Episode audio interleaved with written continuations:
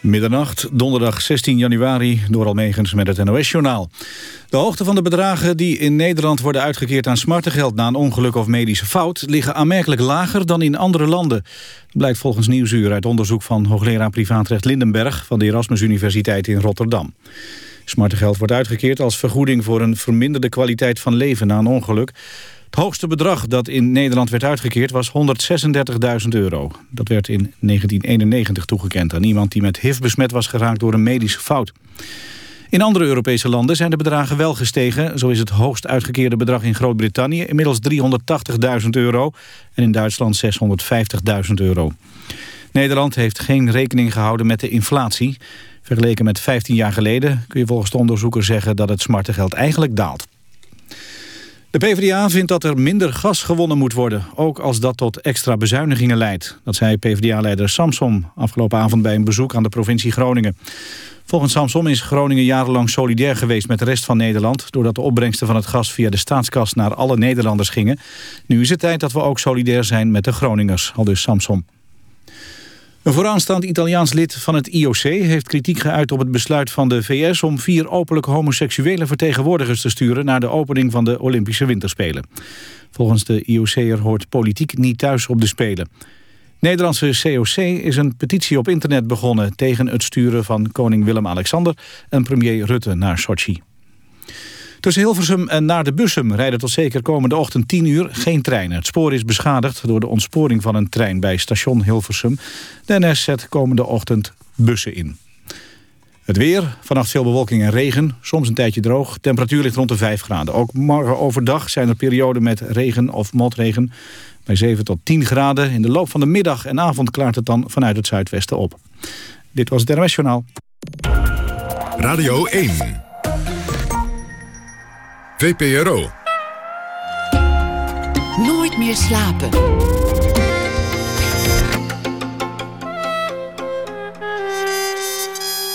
Met Pieter van der Wielen. Een hele goede nacht en welkom bij Nooit meer slapen. Nog tot twee uur zijn we hier. Na ene een gesprek met P.F. Tomezen. Hij schreef een boek, Schaduwkind, over de dood van zijn dochter Isa. En maakte nu een theatervoorstelling naar aanleiding van dat boek. En radiojournalist Okke Ornstein reisde mee met hulporganisaties in Syrië. En wat journalist Francisco van Jolen door zijn slapeloze nachten sleurt. Dat allemaal dus na één uur. Maar eerst gaan we het hebben over kleding. De mode slijt sneller dan textiel, schijnt Shakespeare alles gezegd te hebben. En er is niemand die dat beter weet dan mijn gast komend uur, Aynouk Tan. Modejournalist, stylist en mode-icoon ook. Aan de vooravond van de Amsterdam Fashion Week is zij hier te gast. Ze is geboren in 1982. Ze staat bekend om haar extravagante en vooral zeer gevarieerde manier van kleden. Ze stond op het podium voor een TEDx-lezing in een jurk vol bonte veren.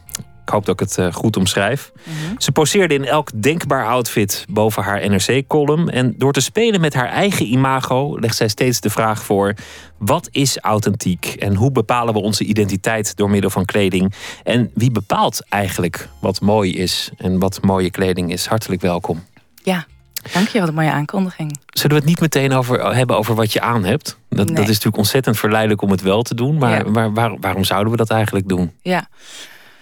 Ja, ik heb geen idee. Dat is inderdaad een vraag uh, die ik heel vaak krijg. Waarom, heb je, waarom draag je dit? Omdat ik vaak een opvallende stijl heb, opvallende kleding.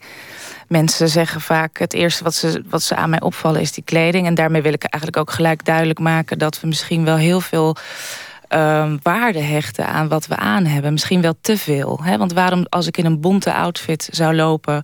zou daar wat over gezegd uh, moeten worden? En wie bepaalt dat dat niet normaal is? Hè? Alleen maar omdat het misschien niet is wat de doorgaanse mensen uh, dragen... Uh, betekent niet dat het, dat het per se raar of vreemd is. En er moet altijd wat over gezegd worden. Ik vind dat soms wel opvallend. Want voor mij is het vrij normaal om uh, uh, ja, op deze manier uit te dossen. Hè? Extravagant erbij te lopen. Voor wie toch wil spieken, we hebben een webcam, radio1.nl. Dan kunnen mensen gewoon kijken wat voor uh, mooie kleding hier uh, gedragen wordt. Ja, bij de radio. De radio is het domein van de slecht geklede mensen toch ook wel een beetje. Ik, ik vind het ook wel charmant. Dus misschien mm. meer, meer iets voor mannen, maar een, een Hans Spekman Mhm. van, de, van de Partij van de Mhm. Arbeid. Of een, of een Maarten van Rossum. Gewoon, Mhm. gewoon lekker een trui aan, een beetje roos op de schouders. En gewoon, ongeacht waar je naartoe gaat, heb je dat toevallig vandaan, aan, vandaag aan. Want het lag bovenop. Vind ik Ja. mooi. Nee, natuurlijk, dat is ook, dat is ook iemand, Hans Hals Spekman of, of Maarten van Rossum, die doen niet mee aan, eh, aan de, de, de, de, de trend van de mode. En eigenlijk eh, is mijn, eh, mijn bonte outfit ook een, ben ik eh, eigenlijk een, wolfs in schaap, een wolf in schaapskleren. Omdat uiteindelijk ik ook ehm, ja, met mijn bonte outfit in de aandacht wil komen. En dat lukte ook, want anders zat ik hier niet als ik die bonte outfit. Daar heb ik eigenlijk mijn hele carrière op gebouwd. Ik heb mij tien jaar gekleed in een bonte outfit. En daardoor werd ik gevraagd om mijn mening. En Een werd soort- ik een soort, soort fashion evolutie. icoon. Ja. En daarmee wilde ik eigenlijk de boodschap overbrengen. En dat wil ik eigenlijk nog steeds. Dat mode er misschien eigenlijk niet zo heel veel toe doet. En dat dat als ik dus een bonte outfit aan heb, dat dat mij niet definieert. En in dat opzicht ben ik misschien precies hetzelfde als Maarten van Rossum of Hans Spekman. Het, het, kleding bepaalt meteen hoe mensen tegen jou aankijken. Je communiceert door middel van je kleding. Ja. Hans Spekman zegt: Ik ben een, een echte journalist. eh, journalist, Oh, echte socialist. Ja. Ik ben een echte socialist in tegenstelling tot al die mannen in maatpakken. Want, want, want ik heb gewoon een vieze trui aan. Ja, ja, inderdaad. Ja, dat, dat is natuurlijk, dat is ook zo. Hij, hij, hij houdt zich wel, eh, hij, door zijn kleding houdt hij wel voet bij stuk. En dat betekent dat hij wel, ehm, ik heb ooit een stukje ook daarover geschreven in het NRC Handelsblad in mijn column eigenlijk. En dat ging ook over de politiek en over ja, hoe toch iedereen met alle winden meewaait. Mode gaat daar namelijk ook heel erg over kuddegedrag en groepsgedrag. Hè? Eh, wat wat eh, de meeste mensen aan hebben, dat moeten andere mensen ook aan hebben. En zo gaat dat misschien in de politiek ook wel een beetje. Hè? Wat de meeste mensen vinden, eh, dat moet de politiek ook willen. En in dat opzicht staat de politiek en ehm, misschien wel te weinig voor een eigen visie. Eh, ik ben geen politiek commentator. Ik ga me nu misschien in een, in een gebied begeven waar ik helemaal niks van weet. Maar het heeft wel overeenkomsten. Politiek heeft heel veel overeenkomsten met de mode. En er, ik, wat ik ook jammer vind aan de politiek is dat er soms niet één iemand opstaat en zegt: jongens, dit is het beste voor iedereen en dat gaan we doen. Hè, mensen zijn vaak bang voor wat, wat op ze stemmen verliezen, dit en dat. En ik, ik denk dat, dat we behoefte hebben aan sterke leiders. En als je dan toen heb ik een stukje geschreven over Hans Spekman. Die, eh, waarin je in zijn kleding ziet dat hij wel voet bij stuk houdt. En dat hij zegt: Jongens, het kan me een rotwor rotworst zijn wat jullie allemaal vinden van mijn kleding. Want hij heeft natuurlijk ontzettend veel kritiek daaroverheen gehad. Over zich heen gehad daarom. Ik blijf bij mijn standpunt. En dat is natuurlijk wel een symbolische, symbolische benadering van hoe politiek, denk ik, ook zou moeten zijn. Voet bij stuk houden. En jezelf, jezelf blijven, daar, Niet daar met is al die al. alle winden mee eh, waaien. Ja, petit bateau zijn het, hè? Die, die truitjes. Dat, dat, dat, dat streepmodel truitje, petit bateau, stond, Mm. is nog niet eens zo goedkoop. Mm. Doet me denken aan de uitspraak die Dolly Parton ooit gedaan schijnt te hebben. Je moest eens weten hoeveel geld het kost om er zo goedkoop uit te zien. Ja. ja, dat is een hele geweldige uitspraak. Hoe kom je nou ineens bij dat petit bateau? Ik heb opgezocht wat voor truitjes dat nou zijn. Ik zag het een keer langskomen. Ik denk, maar wie hey, heeft dat aan dan? Dat is Hans Spekman. Dat zijn oh, die, die, heeft die, niet- Nee, dat- dat volgens, is- mij, nou, volgens mij draagt Hans Spekman de truien die zijn vrouw voor hem breidt. Dat weet ik bijna wel zeker. Oh ja, maar hij heeft ook wel zo'n gestreepte aan. Misschien ja, dat maar hij dat, dat... Is, dat, dat is, joh, dat is nog uit zijn hippie-tijd. Uit de jaren Oh. 60 dat is helemaal niet van Petit Bateau. Oké, nou Nee. ja, zie je, daar hebben we, hebben we toch een, al een hele discussie daarover. Ja, maar dat is interessant hoor, wat Dolly Parton zegt over van... ehm, ehm, ehm, it takes a lot of money to, to look this cheap. Want dat zijn we nu natuurlijk allemaal aan het doen. Hè? Het is ook een, een bepaalde trend nu op het moment. Dat we allemaal met eh, een beetje een punk outfit lopen. En de gescheurde broeken betalen we tegenwoordig 300 euro voor. Al dan niet meer, 350 euro. It takes a lot of money to look that cheap. En ehm, ja, dan krijg ik gelijk het authenticiteitsvraagstuk. Maar ik weet niet of je daar nu over in uh, over Ja, laten we het, eh, het ligt op tafel. La- Laten we maar meteen. eh, Ja, nou, ik heb, bellen, ik heb eigenlijk twee jaar geleden al een, een stuk geschreven ook over authenticiteit. En dat authenticiteit iets is wat eh, je tegenwoordig kan kopen in de winkel. Ehm, dus dat is eigenlijk ook die ges- gescheurde spijkerbroeken kunnen we kopen in de winkel. Dat is dan echt, want ik heb daar heel lang, hè, een gescheurde spijkerbroek heb ik heel lang in liggen rollenbollen op het veld. Of heb ik werk mee gedaan op het land. En nu heb ik een hele authentieke spijkerbroek aan met allemaal vale plekken erop. Maar die vale plekken die zijn natuurlijk erop gemaakt. En dat betekent eigenlijk dat we authenticiteit tegenwoordig... net zoals een Gucci-jurk uh, tien jaar geleden kunnen kopen. En die op onszelf toepassen, aandoen. En ons daarom ook heel echt uh, voelen eigenlijk. Hè? En, en doen alsof we alsof we authentiek, authentiek zijn. Maar het is gecreëerd eigenlijk. Ja, heel veel spullen die wij aan hebben. En daar gaat een, een groot deel van mijn werk ook over. Um, schoonheidsidealen, maar ook authenticiteit is allemaal gecreëerd door modemerken. Die, dat is vaak gedaan door uh, zakenmannen in pakken. En die zeggen: Jongens, ik ga hier alleen maar dunne modellen in bladen zetten in reclamecampagnes. Dat is een schoonheidsideaal die normale vrouwen nooit kunnen zullen hebben. Dus wat doet de modewereld? Die zegt: Jongens, je bent eigenlijk uh, tegen vrouwen, maar ook tegen mannen tegenwoordig. Je bent niet goed genoeg. Je bent niet mooi genoeg zoals je bent. Dus uh, mensen gaan meer kopen in winkels. En um, die kopen eigenlijk uh, dat, dat schoonheidsideaal. Die gaan werken, kopen en die kopen een, een, jurkje waarin ze nog dunner lijken. En de mode zegt, ja, maar nu ben je eigenlijk weer niet goed genoeg... want je loopt er oud bij. Je bent nu niet in de mode. Dus over een half jaar moet je weer iets nieuws hebben. Nou, zo gaan we tot ons hele leven door. Maar dat schoonheidsideaal is gecreëerd door modemerken... die dus, dat, is, dat schoonheidsideaal is gestoeld op een economisch principe omdat het schoonheidsideaal is dun. Omdat normale mensen dat nooit kunnen, zullen worden. En daarom um, um, is, wordt er meer geld verdiend. Nou, dus het hele idee van wat mooi is, is dus eigenlijk gemaakt. En gebaseerd op een economisch principe. En daarop, uh, nou ja, misschien jij ook wel, ik weet niet wat voor vriendin je hebt, maar mannen kijken ook naar, naar vrouwen ten aanzien van dat, of door de bril eigenlijk, van het schoonheidsideaal dat gemaakt is. Dus eh, we zetten dus eigenlijk allemaal een bril op, die gemaakt is door de, door de uh, vrije markteconomie. En um, zo zien wij vrouwen. En, daarom, en daar lenen we ook onze identiteit aan af. Als ik niet dun genoeg ben, dan ben ik niet goed genoeg. En dan ben ik niet mooi genoeg. Terwijl, en dan kan een vrouw die dik is en puisten heeft er haar hele leven last van hebben. Maar dat is dus gek, hè? want dan leden we eigenlijk onze hele identiteit af aan een economisch schoonheid of een economisch idee van mooi. Je raakt hier aan, aan wat wel het thema van onze tijd is. Ieder uh, interview met, met iedereen van betekenis in, in een beetje glossy gaat over het thema jezelf zijn, of mhm. jezelf blijven, of jezelf ontdekken. Ja. Er zijn heel veel programma's ook die, die impliciet refereren aan dat jezelf zijn. Mhm. Maar daarmee ga je ervan uit dat, dat het ten eerste onvervreemdbaar is. Dat je altijd jezelf zult zijn. Dat het mhm. niet varieert van situatie tot mhm. situatie of, of moment tot moment.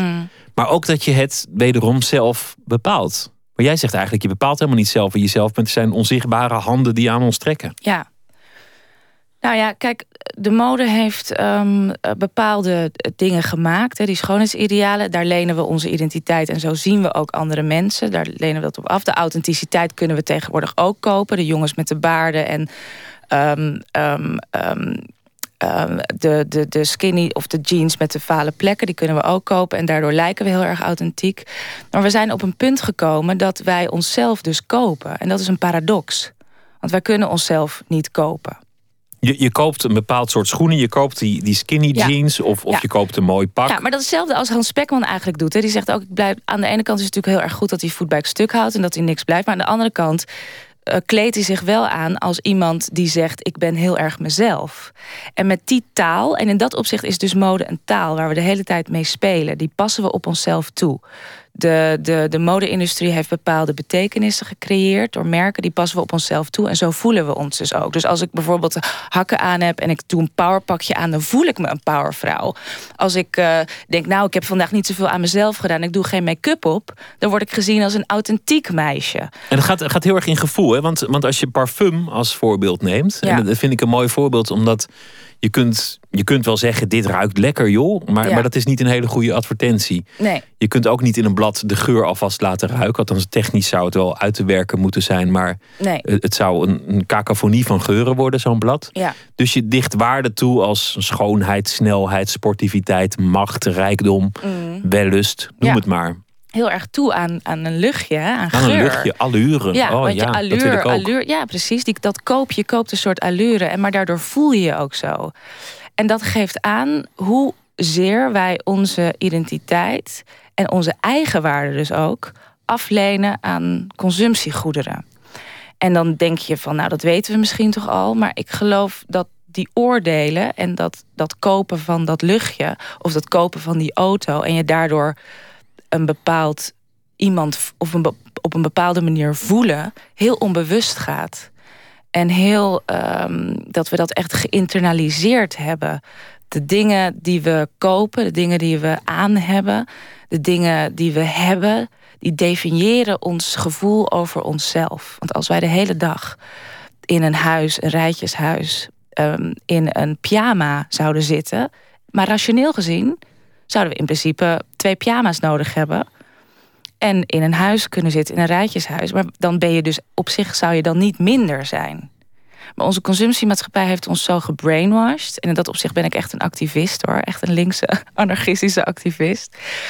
Um, gebrainwashed dat we al die spullen nodig hebben om ons eigen waarde uh, te geven en toe te dichten. En in die façade van um, spullen die ons identiteit geven, zijn we naar mijn mening, en daarom zit ik hier ook, en dat vind ik ook vrij altijd belangrijk om te vertellen, dat veel te veel gaan geloven. Want schoonheid is een façade. Dat als je een BMW rijdt, ben je niet de pimp. Als je een rokje, kort rokje aan hebt, ben je niet per se uh, sexy. Het zijn allemaal betekenissen die gemaakt zijn door een vrije markteconomie, waar, waaraan wij onze eigen waarde aflenen. Waarom lukt het? En dat is, dat is vrij trieste constatering hoor ook. Dat, dat, dat, dat om te merken, omdat mode natuurlijk mijn vakgebied is, dat dat nog steeds zo erg um, een rol speelt in alles wat wij doen. Dat we daar niet doorheen kunnen. Waarom lukt het niet om daar doorheen te kijken en waarom heeft dat zoveel invloed op ons? Waarom hebben een paar plaatjes Hm. Oké, het zijn heel veel plaatjes, maar waarom hebben die, die zo'n macht gekregen? Hm. Waar zat de kwetsbaarheid? Nou, er is een, uh, een documentaire uh, die heet The Century of the Self. En die is gemaakt door Adam Curtis. Is een uh, Britse documentairemaker. En daarin legt hij in vier uur, vrij lange zit, eigenlijk uit hoe wij um, ja, gebrainwashed zijn door, door marketing. Met als, ja, het is een hele lange documentaire en heel, met heel veel nuances. Maar het kwam er eigenlijk op neer dat um, ja, machthebbers, de economie, ons ook kuddegedrag wil laten vertonen. Eigenlijk wat we de hele tijd doen is werken, spullen kopen, ons beter voelen, ons niet goed genoeg voelen, werken, spullen kopen, ons identiteit geven. Dus het is eigenlijk, we zitten in een soort, we zijn een soort kudde schapen. Nou ben ik misschien wat uh, extreem, maar dat vind ik eigenlijk echt wel. Die achter dat geld en achter die eigenwaarde aanloopt. En wij worden, ons, wij worden ook continu getriggerd dat we, dat we die spullen nodig moeten hebben. En omdat iedereen eraan meedoet, uh, zitten we in, dat, in die malle molen van spullen en, en, en, en, en uh, uh, geld. We zitten in een soort malle molen die ons ook in toom houdt. Dat wordt er ook heel goed duidelijk in die documentaire. Want we zijn altijd maar met die spullen bezig. Maar in die tijd hadden we ook met andere dingen bezig kunnen zijn. Er is een sketch van Theo Maassen. Dat heb ik gezien bij... Uh, nou ja, op Facebook ergens. En um, daarin zegt hij van de mode is de waanzin van een collectieve waanzin. Want we zijn constant maar met dat verfraaien van dat uiterlijk. Hoeveel, hoe lang zijn we daar in godsnaam wel niet mee bezig per dag? Met die auto, met dat bezit en hoe we, over, hoe we eruit zien, hoe we overkomen. Als we nou zoveel tijd, dat, zei, dat zegt Theo Maassen dus... zouden besteden aan het verfraaien van ons innerlijk aan het verfraaien van ons bewustzijn over de wereld. Of over hè, het, het, het leren over hoe dit soort systemen werken dan. Um, ja, dat, dat, dat vond ik een hele goede opmerking. Dat vind ik ook het vervraaien van het uiterlijk en het spullen en bezit en erachteraan lopen. Wat ons uiteindelijk in toom houdt. Dat we uiteindelijk kunnen sterven als, als simpele zielen met heel veel bezit. Wat er geen reet toe doet uiteindelijk. Ja, dat is gewoon, uh, um, dat is gewoon echt een heel uh, punt. Dus het geeft ook de waanzin van de wereld, weet je, weer. Einstein had één pak. Die had, die had gewoon één pak, maar dan zeven keer had hij in zijn kast hangen. En dan mm. hoefde hij nooit na te denken wat hij aandeed. Had hij toch een schoon pak. En dan deed hij gewoon weer datzelfde pak aan. En zo droeg hij zijn hele leven hetzelfde pak. Dus misschien een, een elegante oplossing. Ja. We, hebben liedjes uitgekozen uh, over mode. Oh. Dan, zou je denken aan David Bowie of, of, of Madonna of dat soort dingen. Mm. We hebben het misschien iets anders gedaan. Mm. Uh, de Brooklynse band The National heeft een nummer en dat heet Fashion Code. Het gaat over je, je hippe jas waar je toch eenzaam en treurig in kunt voelen. Mm, ja.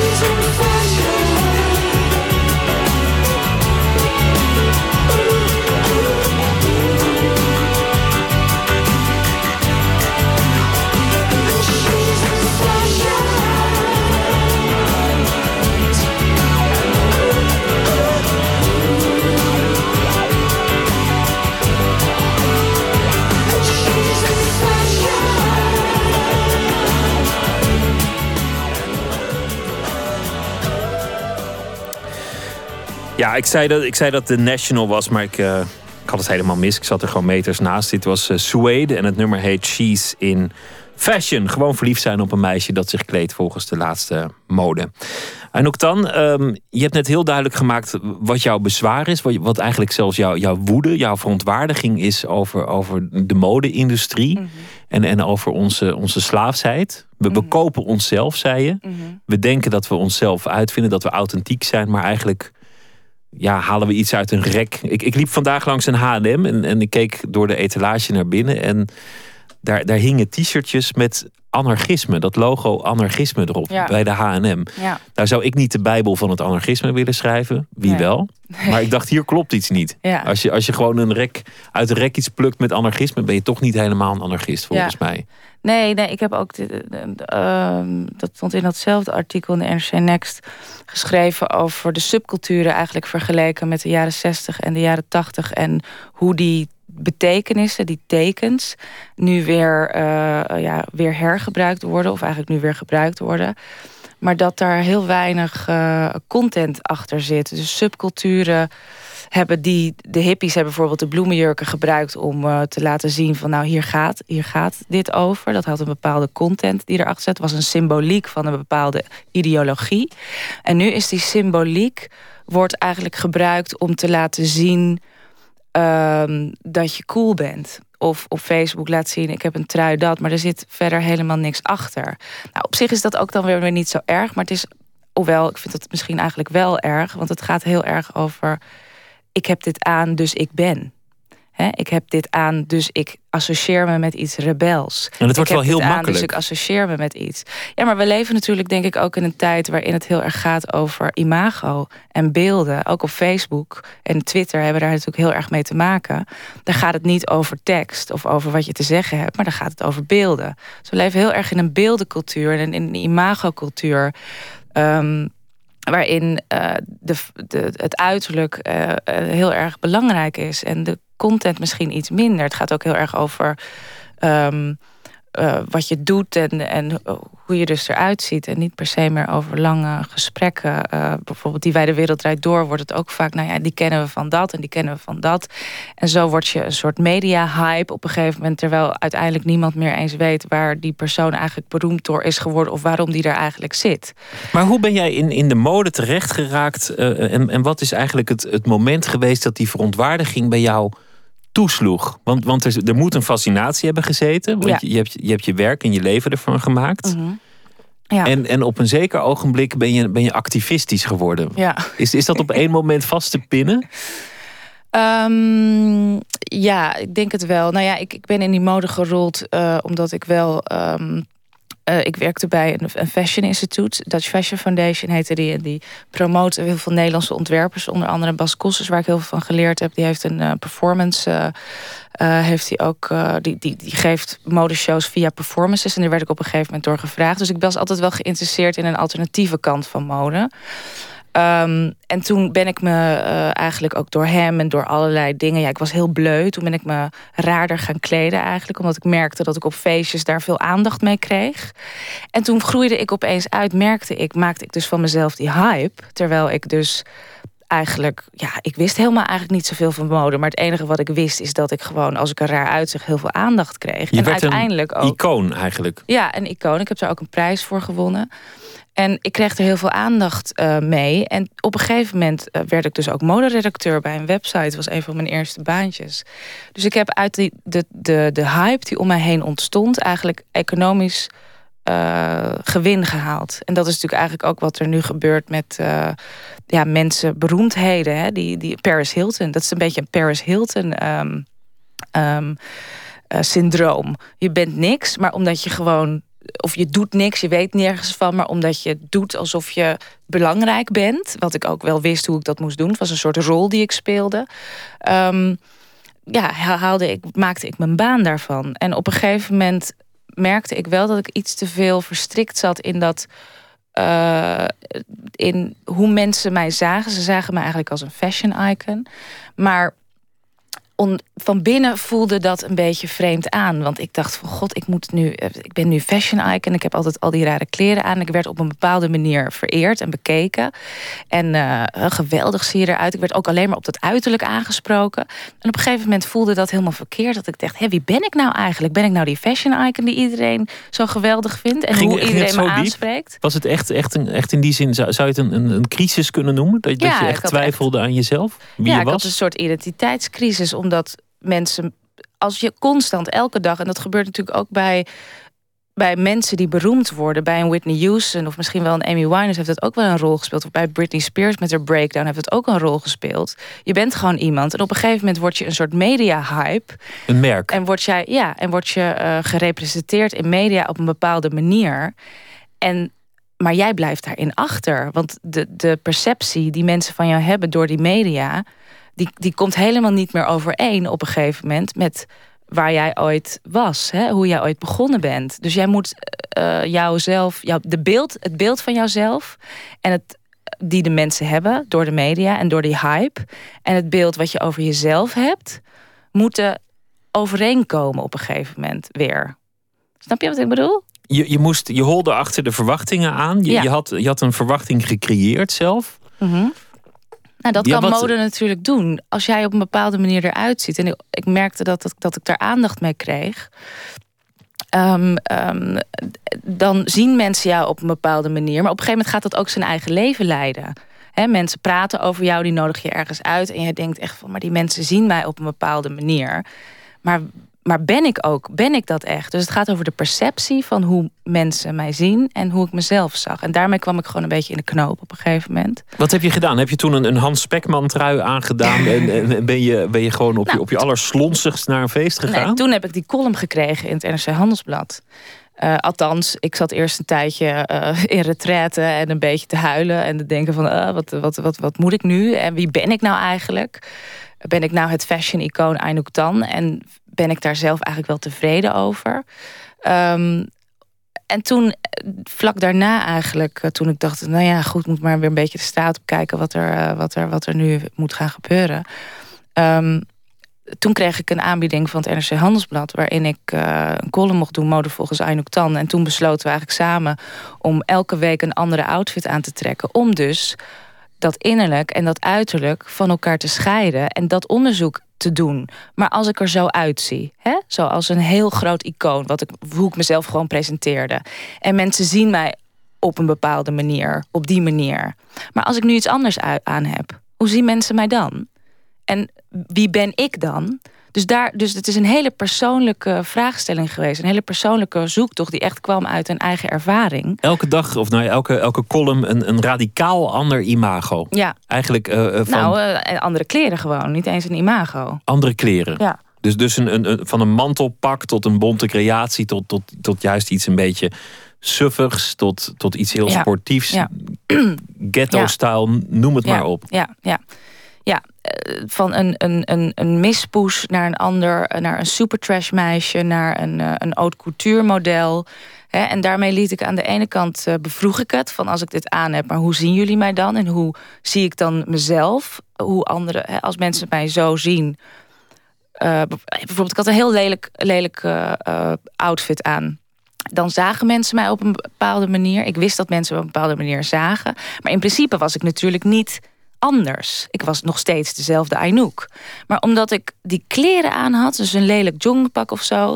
was ik bang van, oh, wat vinden mensen dan van mij als ik dit aan heb? En daardoor ging ik me eigenlijk ook onzeker voelen. Dus dat zien van mij en uh, mijn eigen identiteit die daar wordt gecreëerd... liggen heel nauw samen. Maar in principe dacht ik, ja, maar jongens, ik ben toch gewoon dezelfde... dus wat maakt het uiterlijk eigenlijk uit?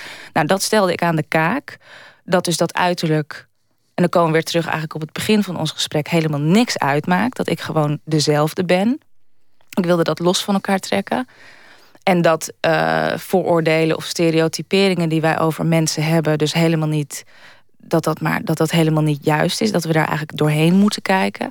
Aan de andere kant liet ik ook zien van jongens... als kleding en die hele industrie en die hele betekenissen... die aan die kleding hangen, dus een façade is... dan kan je daar ook mee spelen Dan kan je ook naar een sollicitatiegesprek gaan en zeggen: Ik doe dit aan, hè, om, omdat het toch allemaal maar een performance is. We moeten het allemaal niet te serieus nemen, want al die ideeën over schoonheid en een idee over. Uh, dat zijn allemaal woorden. De mode is eigenlijk een taal, die passen we op onszelf toe. En we kunnen ook kiezen van nu hebben we deze, dit woord trek ik aan vandaag. En dan word ik zo gezien. Als ik dit aantrek, word ik zo gezien. Dan kan je dus ook mee spelen, als in een theaterspel. Ik liet eigenlijk zien dat dat, dat hele uh, idee van wie je bent... is een soort theaterspel. Dus je kan je omkleden en je kan daar ook gebruik van maken... zodat mensen je... Um, Kijk maar dat wat Lady Gaga bijvoorbeeld doet. Hè. Die kleedt zich gewoon heel raar en die is er heel rijk van geworden. Nou, dat komt niet omdat ze zo goed kan zingen... maar gewoon omdat ze er heel raar uitziet. En zo ben je ook weer terechtgekomen bij, bij je huidige uh, stijl. Om, om, om toch weer extravagant te zijn. Mhm. Maar, maar dat, daar zit ook een verzet in. Want, want het is niet uh, zoals je eerst een mode-icoon was. Nee. Nu is het een mode-icoon 2.0. Mode-icoon ja. schuine streep activist. Ja. Nou, ik wil deze, uh, deze dingen die ik nu eigenlijk zeg aan de kaak stellen. Mensen daar bewust van worden. Niet het vervrijen van het uiterlijk uh, propageren of uh, agenderen, maar het, het vervrijen van het innerlijk, maar via dat uiterlijk. Dus ik gebruik eigenlijk dat uiterlijk als een, als een middel om mensen na te laten denken over van, hè, wat heb ik nou eigenlijk. Ik gebruik letterlijk mezelf van, kijk, ik kleed me raar, mensen zien me, ik, ik, raak daar, krijg daar een baan van. Um, mensen zien mij op een bepaalde manier, maar het is allemaal gespeeld. Het is self-fulfilling prophecy. Ik doe gewoon alsof ik heel belangrijk ben, ik heb dit aan. Maar uiteindelijk is het allemaal een façade. En dat doen modemerken ook. Die maken ook iets van een, een, een, een dun model. Die zeggen van, ik ben, dit is een dun model, dit is schoonheid. Maar het is helemaal niet waar. Dus ik creëer, creëer mezelf ook. En daarmee stel ik precies aan de kaak wat ik wil zeggen. En dat is namelijk het is allemaal één groot uh, uh, theaterspel, een groot spektakel. Poppenkast. Een poppenkast, ja, die ik opvoer. Je kan jezelf tot hype maken.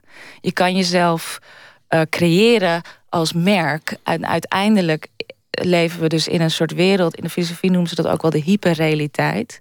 Wij communiceren door via al die betekenissen die de markteconomie aan ons dat is een taal geworden, de markteconomie. Dus bijvoorbeeld een zwart jurkje kunnen we nooit meer zien als een, als een gewoon een zwarte stof, maar dat zien we dan als chic. En Gucci zien we als luxe. En een pyjama zien we als, oh dat kan echt niet. Of wat een sloeber is dat. Maar dat zijn allemaal betekenissen die aan stoffen zijn toegedicht. En dat noemen ze dan de hyperrealiteit. Maar is dat is, eh, duidelijk? Dat we daar via, dat, via dat communiceren. Dat is dus eigenlijk dat het allemaal een façade is. Maar je zegt aan de ene kant, ja, het is een spel, maar het is bloedserieus. Ik bedoel, een, een politieagent... Nou, we leven daarnaar. We leven naar die betekenis. We leven in die hyperrealiteit. Een politieagent heeft een uniform en daar ontleent hij voor een deel zijn macht aan. Ja. Dan is hij niet meer zichzelf. Dan is het niet Kees Jansen, maar dan is het de staat. Ja. Um, als jij de rechtszaal inloopt met, met opblaasbare gymschoenen... dan kun je volgens mij rekenen op strafverdubbeling. Ja. Dat is gewoon, iedere advocaat zegt, nou we gaan eerst eventjes een pak voor je huren en dan gaan we naar de edelachtbare toe. Het is, een, is serieus. Het, het is heel serieus. Het is ook een manier om ons wereld in te delen. En dat, dat, dat begrijp ik ook. Hè. Want daarom, daarom is bijvoorbeeld ook mode zo vluchtig, omdat je wil de laatste mode hebben om te laten zien dat jij rijker en hipper bent. Maar je moet rennen. Het is een soort tikkertje. Mm. Tikkertje met de lagere klasse. Want straks hebben zij ook allemaal dat, dat mooie pak. En dan, dan ben je niet meer onderscheidend. Dus jij moet al iets anders hebben ja. voordat de onderklasse eraan komt. Nou, wat ik precies. Maar dat zijn twee verschillende dingen die je nu noemt. Dat is één, de mode die waar je achteraan moet lopen. Aan de andere kant een, een bepaalde functionaliteit die de mode ook heeft. Als in de rechtbank of uh, weet ik veel. Um, we hebben die dingen ook nodig om mensen in hokjes uh, te kunnen delen. Om gewoon orde te creëren eigenlijk. Hè. Dus dat is op zich niet erg. Waar mijn werk over gaat is het bewust maken dat we dat doen. En dat dat uiterlijk, dat we dat dus niet zo serieus moeten nemen, omdat het allemaal maar gemaakt is. Maar we nemen het vaak serieus omdat we het letterlijk op onszelf aandoen, op ons lichaam aandoen. En daarmee, daarom voelen we ons op een bepaalde manier ook zo. Wat ik probeer te zeggen is: probeer dat een beetje. Probeer rationeel te kijken naar die, um, naar die wereld van dat uiterlijk, dat theaterspel wat mode is, wat we elke dag met elkaar spelen en opvoeren. En probeer daarin ook te bepalen Um, hier wil ik wel aan meedoen En hier wil ik niet aan meedoen. Wil ik voor elke uh, verjaardag een nieuw jurkje hebben? Is dat namelijk wel goed voor de wereld? Of haalt het, of koop ik daarmee alleen mijn eigen waarde? Waarvan ik niet weet, waarvan je al lang weet, diep van binnen, dat je die hebt. Uh, wil ik aan die laatste mode de hele tijd meedoen? Of zeg ik van jongens, ik koop gewoon, draag gewoon elke dag zoals Maarten van Rossum een zwarte koolter en heb ik er drie van. En dat vind ik prima. En daar blijf ik gewoon bij. Kies ik maar ervoor. Maar dan, dan ben je er nog niet, want dan wordt die zwarte kooltrui weer in, in een sweatshop in Bangladesh gemaakt. Mm. Dus, dus je Nou. waarden zijn ook, ook letterlijk je kleding geworden. Ja, het is het. Is het ehm, ja, maar daar, daar zijn we natuurlijk godzijdank wel een beetje mee bezig om te kijken waar onze kleren vandaan komen. Maar het is belangrijk om te weten hoe dit systeem werkt. Dat, dat die schoonheidsidealen dus geïnternaliseerd zijn. Dat als jij op een feestje komt, dat je alleen de mooie meisjes ziet, als man bijvoorbeeld. En niet die dikke met die puist. Um, het is belangrijk om te weten dat dat oordeel, wat zo in jouw hoofd opplopt, want dat komt bij iedereen gewoon zomaar in zijn plop in zijn hoofd op, dat dat dus een façade is, dat het gemaakt is, dat het niet echt is. En dat is op zich ook niet. Het gaat erom dat je daar bewust van bent dat het een façade is. En als je er bewust van bent, dan kan je daar ook meer eigen en bewuste keuzes in maken. En het is natuurlijk toch. Maar daardoor ook, moet je wel eerst weten hoe diep, hoe diep gegrond. Hoe diep dat in jezelf. Hoe diep die schoonheidsidealen en het weer mooi en lelijk. Ik vind het helemaal niet erg dat jij hier in een pak zit. Ik vind het ook niet erg dat mensen een politiepakken hebben, maar dat ze maar weten um, dat het maar kleren zijn en dat het niks zegt over wie die mensen uh, zijn. En dat dus zoiets banaals als schoonheid dus ook geen waarheid is. Er zit geen enkele waarheid Wanneer in onze je- uiterlijkheden. Wanneer voel jij je het prettigst? Wat, wat heb je het liefste aan eigenlijk? Wan- Wanneer voel jij je echt helemaal lekker jezelf? Jezelf. Ja, daar Nou. is het weer. Mezelf bestaat sowieso niet. Want als ik in Afrika was opgegroeid, dan Was was, je een ik een andere hele zelf? andere zelf geweest. En als je hart je hoofd stoot en dan en je frontaalkwab raakt beschadigd, ben je ook een heel andere zelf. Precies. Dus Maar, maar ervan uitgaan dat, dat er. jezelf wordt gecreëerd door cultuur. Juist. Maar goed, de- de- Ja. Desalniettemin zul je toch over een zelf moeten spreken, omdat het anders gewoon heel gecompliceerd wordt in, in, in het leven. En dan, dan zeg je, ik was het niet, het was mijn hand of zoiets. Dus, dus je, moet, je, je moet toch leren om te spreken over, Ja. over een zelf. Ja. Wanneer voel jij je het prettigst eigenlijk? Ehm, ja, Toch in zo'n creatie? Vind je toch dat flamboyante lekker? Of, of, in, een, of in een joggingbroek of Nou, in de pyjama? ik was echt een fashion victim eh, vroeger. En ehm, ik heb heel lang, ik was denk ik heel gevoelig voor dat hele systeem. Daarom is het heeft het me ook zo diep geraakt en ben ik daar ook helemaal zo ingedoken in die identiteiten van ik was heel gevoelig voor als ik dit aan heb dan word ik zo gezien. En daar was ik me altijd heel bewust van. En dan ben ik misschien niet goed genoeg. Dus eigenlijk was ik ook wel heel onzeker dus daardoor. Maar mijn doel eigenlijk is, en ook door dit werk, om uiteindelijk hier gewoon in mijn slof te zitten, sloffen te zitten en mijn, mijn joggingspak en gewoon te zeggen: ja, maar dat verandert helemaal niks aan wie ik ben. En dat is mijn doel en daar ben ik ook aan het werk aan. Eh, Of dat probeer ik dus de hele tijd uit te testen. Hoe ver kan ik daarin gaan? Maar ik heb ook bij die TEDx-talk, mijn laatste zin was ook van: I am never what I wear. Dus ik ben nooit wat ik draag. Ik wil mijn identiteit nooit afleiden aan waar, die ik, wie ik draag. Dus als ik dit aan heb, dan leen ik mijn identiteit er daar niet aan af. En als ik een jongpak heb, ook niet. Althans, dat is mijn doel. Want dat is een, een rationele, meer rationele gedachte. En dus voel ik me prettig in alles. Als ik zo'n pak aan heb als jij, voel ik me ook super prettig. Want ik weet dat als ik het aan heb, misschien word ik dan wel gezien als een man. Als ik geen lippenstift op heb, ik doe gewoon die pak aan en ik doe stap uit de douche.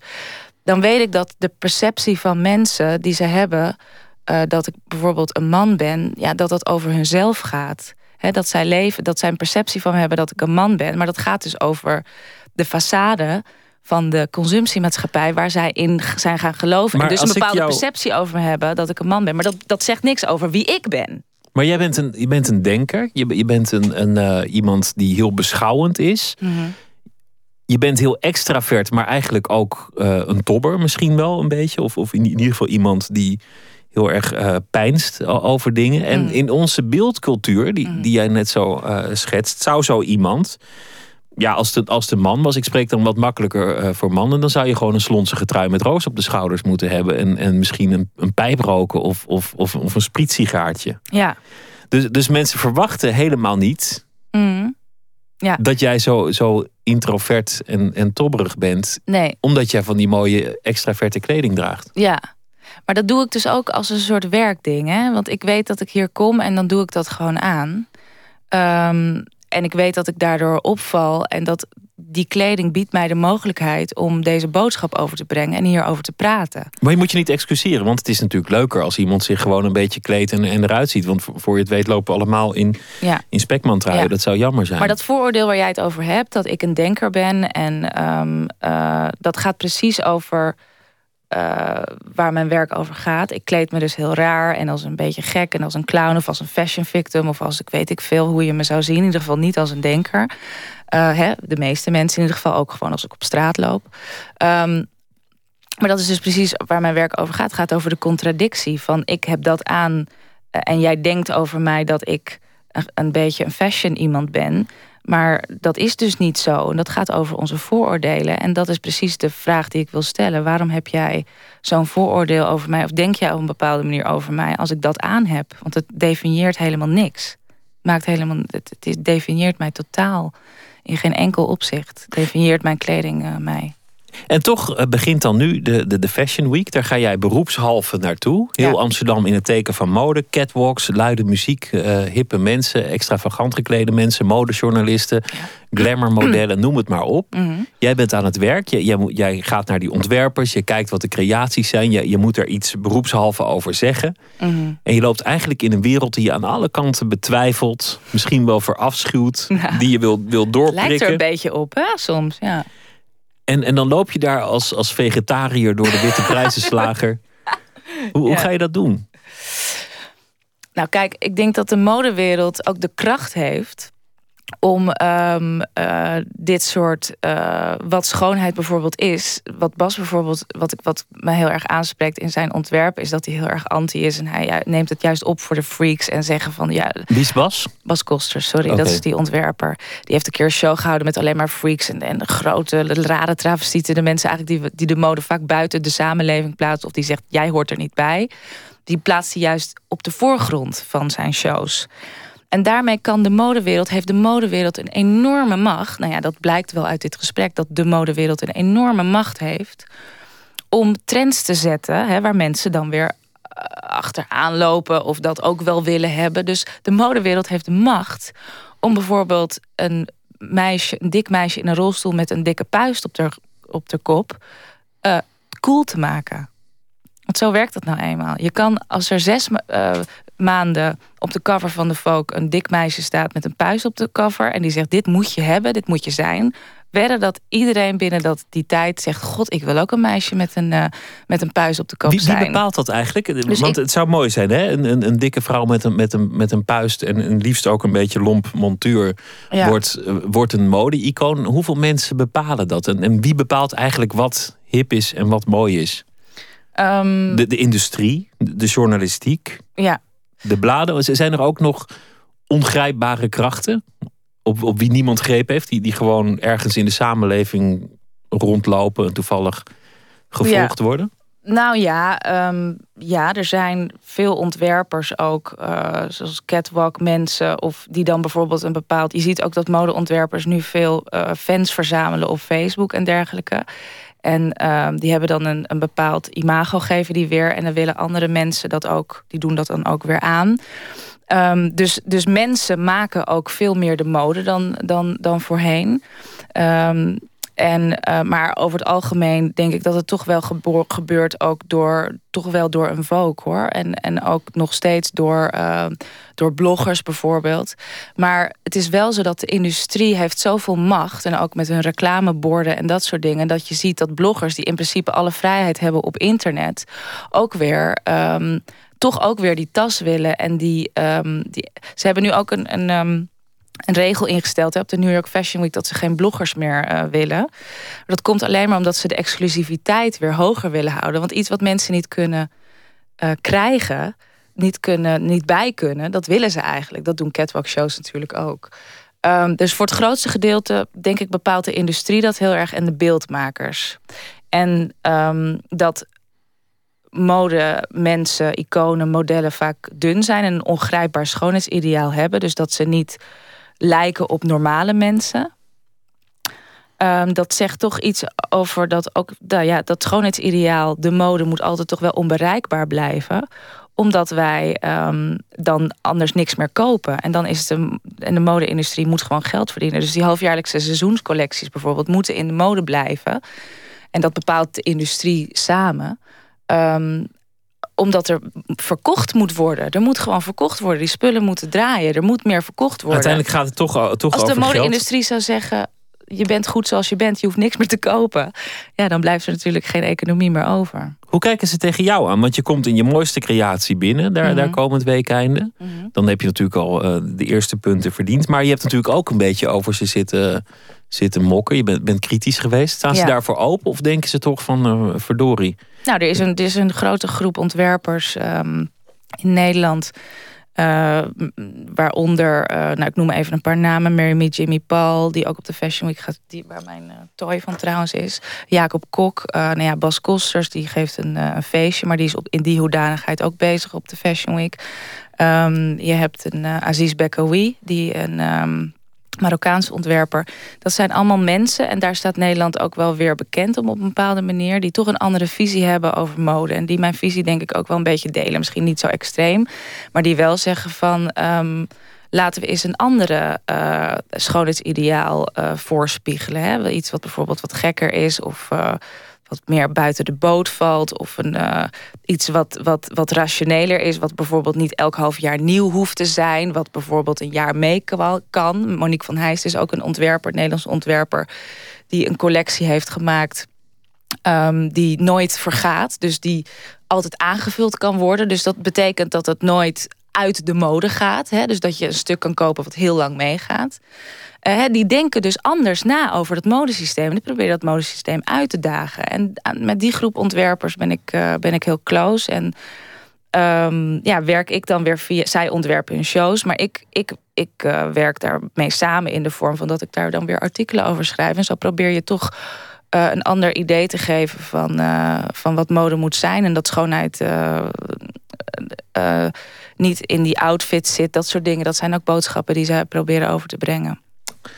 Ik vond het leuk dat je er was. En uh, ik ben heel benieuwd wat je, wat je komend weekende gaat, uh, gaat draaien. Dus ik. Uh, ja, ja, wat je gaat dragen. Ja. Dus ik, uh, ik zou willen dat je, dat, dat je dit even op Facebook zet of, of op Twitter of zoiets.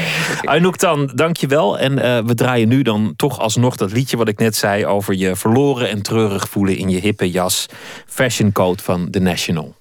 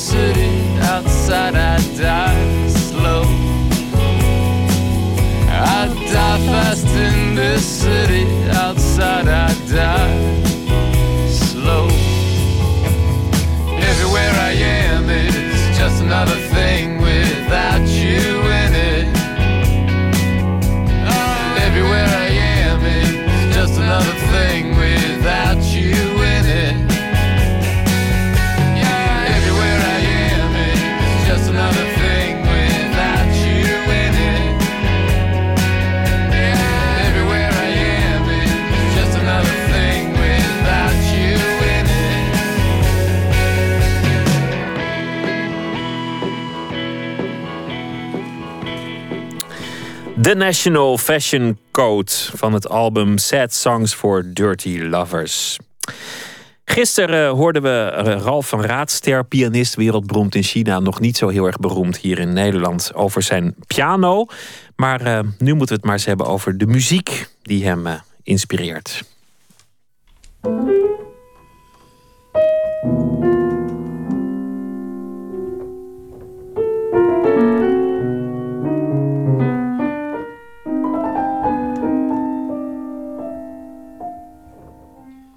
Ja, dit is hele cryptische muziek van Arnold Schoenberg uit, uh, 1911. Niet te geloven. Het is heel modern, maar het is voor mij heel belangrijk geweest. Uh, en nog steeds. Want um, uh, ik ontdekte toen ik puber was. Ik was 15. Ja, en op je 15e stel je jezelf allemaal vragen. Wie ben je? wat is mijn rol in, in, in het leven? Wat doe ik op deze wereld? hoe zit ik in elkaar? En toen ik deze muziek ontdekte, zag ik een muziek die ik helemaal niet begreep. En die me wel aansprak, want het is niet bepaald vrolijke muziek. Het is eigenlijk best wel somber. En ik hoorde klanken die me die uh, leken te corresponderen met mijn gevoel uh, van, van vertwijfeling. Bijvoorbeeld dit soort klanken. Zijn hele, hele, hele donkere, on, on, onheilspellende klanken. Die voor mij ook vertwijfeling weergeven. Uh, ik hoorde ook die stiltes. Hè. Je hebt steeds, de muziek begint en die stopt weer. Begint, stopt weer. Alsof iemand aan het snikken is. Het is het, de muziek komt niet van de grond. En dat bijna ijzingwekkende gevoel, dat, dat sprak me enorm aan. En daar identificeerde ik me sterk mee. Het bleek toen ook, toen ik over las, dat Schoenberg zelf inderdaad die gevoelens had toen hij dat componeerde. Dus, en, dat paste bij jouw puberteit? Dat paste er helemaal bij. Um, en natuurlijk, het, ja, het klinkt heel anders dan anders. En ik vond het ook interessant, ik bedoel, zoals elke puber, om je een beetje af te zetten. En dit klonk zo anders dan waar al mijn klasgenootjes naar luisterden, dat ik dat ook heel erg leuk vond. Dus, uh, dus alles viel op zijn plek bij deze. Ja, want dat is zo'n twintig jaar geleden. Toen was er, uh, even denken eh, Queen bijvoorbeeld, denk ik. Werd, uh, ja. ja, dat klopt. Ja, het, ik ben wel eens trouwens naar een concert van Queen geweest. En ik vind dat hele goede muziek, maar het, het raakt bij mij niet een enorme snaar. Dus toen, je was al aan het twijfelen over je bestaan. en toen ging je nog meer twijfelen omdat je deze muziek jezelf totaal buitensloot op het schoolplein. Ja, dat klopt. Ja, het was, ja dat is wel zo. En op een gegeven moment, mijn vader die, die belde mijn later te worden docent op. die was heel bekend met dit repertoire, of is heel bekend met het repertoire, Ton Suiker. En, want die vroeg van, ja, mijn, mijn zoon speelt toch wel hele merkwaardige componisten. Eh, misschien kunt u me daar, mijn zoon daar verder mee helpen. Dus dat bevestigde ook mijn, mijn gevoel van... Hmm, klopt dit allemaal wel bij mij? Maar ehm, ja, dat, uh, heeft heel veel voor me betekend, die muziek. En nog steeds natuurlijk.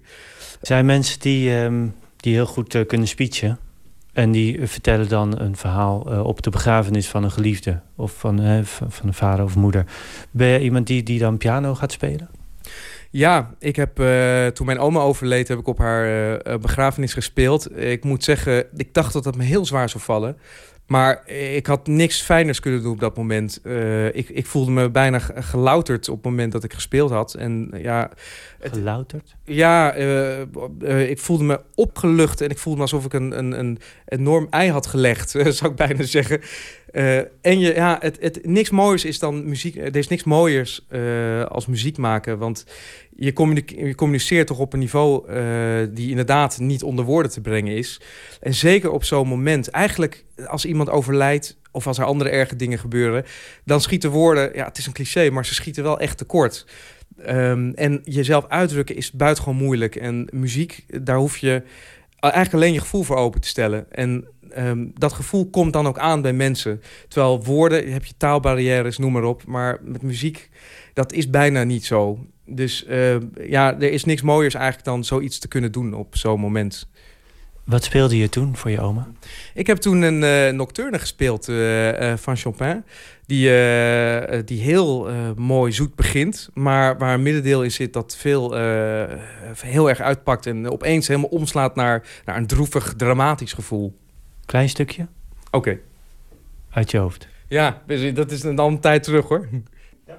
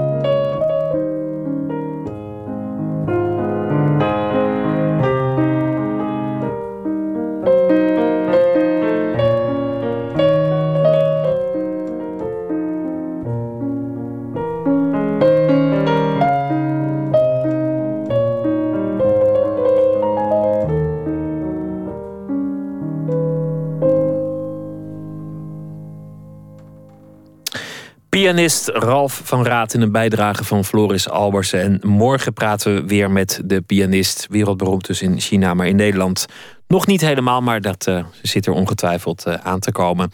Straks in het uh, tweede uur van Nooit meer slapen praten we met P.F. Tomezen. Hij schreef een boek over de dood van zijn dochter Isa, Schaduwkind. En daar is nu een voorstelling van gemaakt. En we vragen hem hoe het voelt om, om zo'n gevoelig boek daadwerkelijk op de planken te moeten vertolken. Radiojournalist Okke Ornstein die is in Syrië geweest, meegereisd met uh, humanitaire hulporganisaties. En u hoort wat Francisco van Jolen, journalist, door zijn slapeloze nachten heen heeft geholpen en wat hem daardoor heen sleurt. De website is uh, www.nooitmeerslapen nl of VPRO slash nooit meer slapen, moet ik geloof ik uh, zeggen. Nou ja, we hebben een website en die is uh, te googlen. Laat ik het zo dan maar zeggen. En we zitten ook op Twitter, VPRO NMS. En u kunt ons ook mailen, nooit meer slapen, VPRO.nl. Straks zijn we terug met het tweede uur. Graag tot dan.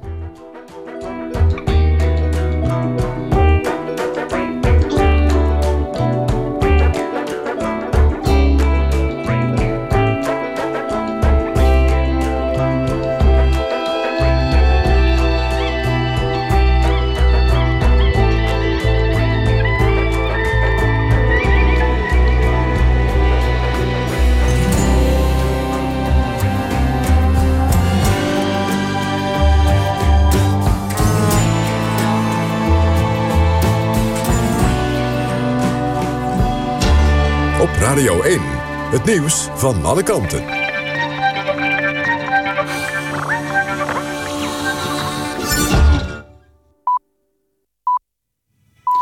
1 uur door Almegens met het NOS-journaal. Homobelangenvereniging COC is een petitie op internet begonnen... tegen de Nederlandse afvaardiging naar de Olympische Winterspelen in Sochi. COC roept politici op om koning Willem-Alexander en premier Rutte niet naar Rusland te sturen. COC wil dat de regering op die manier duidelijk zijn afkeuring laat blijken over de slechte situatie van lesbiennes, homo's, biseksuelen en transgenders en de mensenrechten situatie in Rusland in het algemeen. Groot-Brittannië maakte gisteren bekend dat de regering minister Miller van Cultuur naar Sochi stuurt. Zij tekende onlangs een wet die het homohuwelijk mogelijk maakt. De hoogte van de bedragen die in Nederland worden uitgekeerd aan smartengeld na een ongeluk of medische fout liggen aanmerkelijk lager dan in andere EU-landen.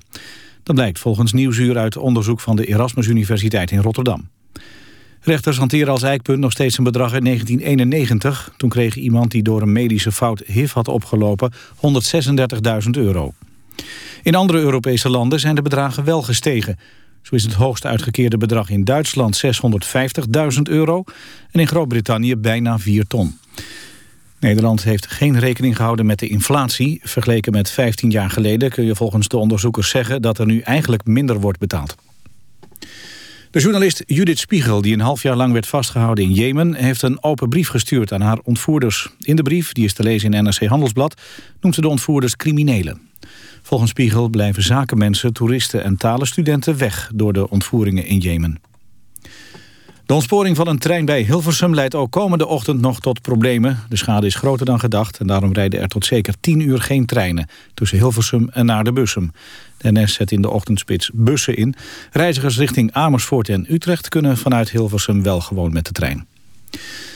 Het weer vannacht veel bewolking en regen. Soms is het ook een tijdje droog. Temperatuur ligt rond de 5 graden. Ook overdag periode met regen of motregen bij 7 tot 10 graden. In de loop van de middag en avond klaart het vanuit het zuidwesten op. Dit was het NOS Journaal. Radio 1. VPRO. Nooit meer slapen.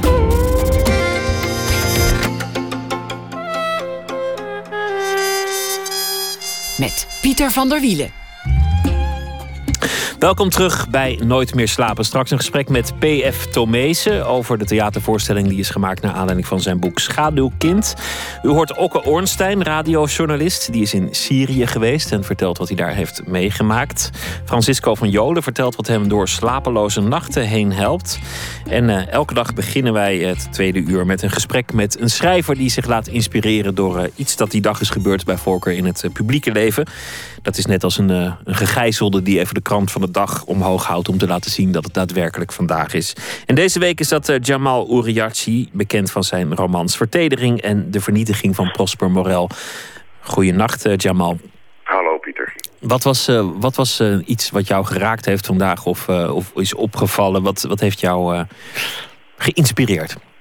Nou, stel voor dat ik het verhaal eerst maar ga voorlezen. En dan wordt vanzelf wel duidelijk wat, wat de connectie met de actualiteit is. als je het goed vindt. Als dat de volgorde is die werkt, dan vind ik dat goed. Ga ik doen. Het verhaal heet Nederland. Vertrouwelijk rapport opgesteld door de Commissie Internationale Vrouwenrechten van het ministerie van Buitenlandse Zaken. De commissie stelt na uitvoerig onderzoek vast dat vrouwenrechten in Nederland op grote schaal geschonden worden. Steeds meer in de onderbuik van de volksaard verankerde ideeën vinden hun weg naar kwalijke wetgeving.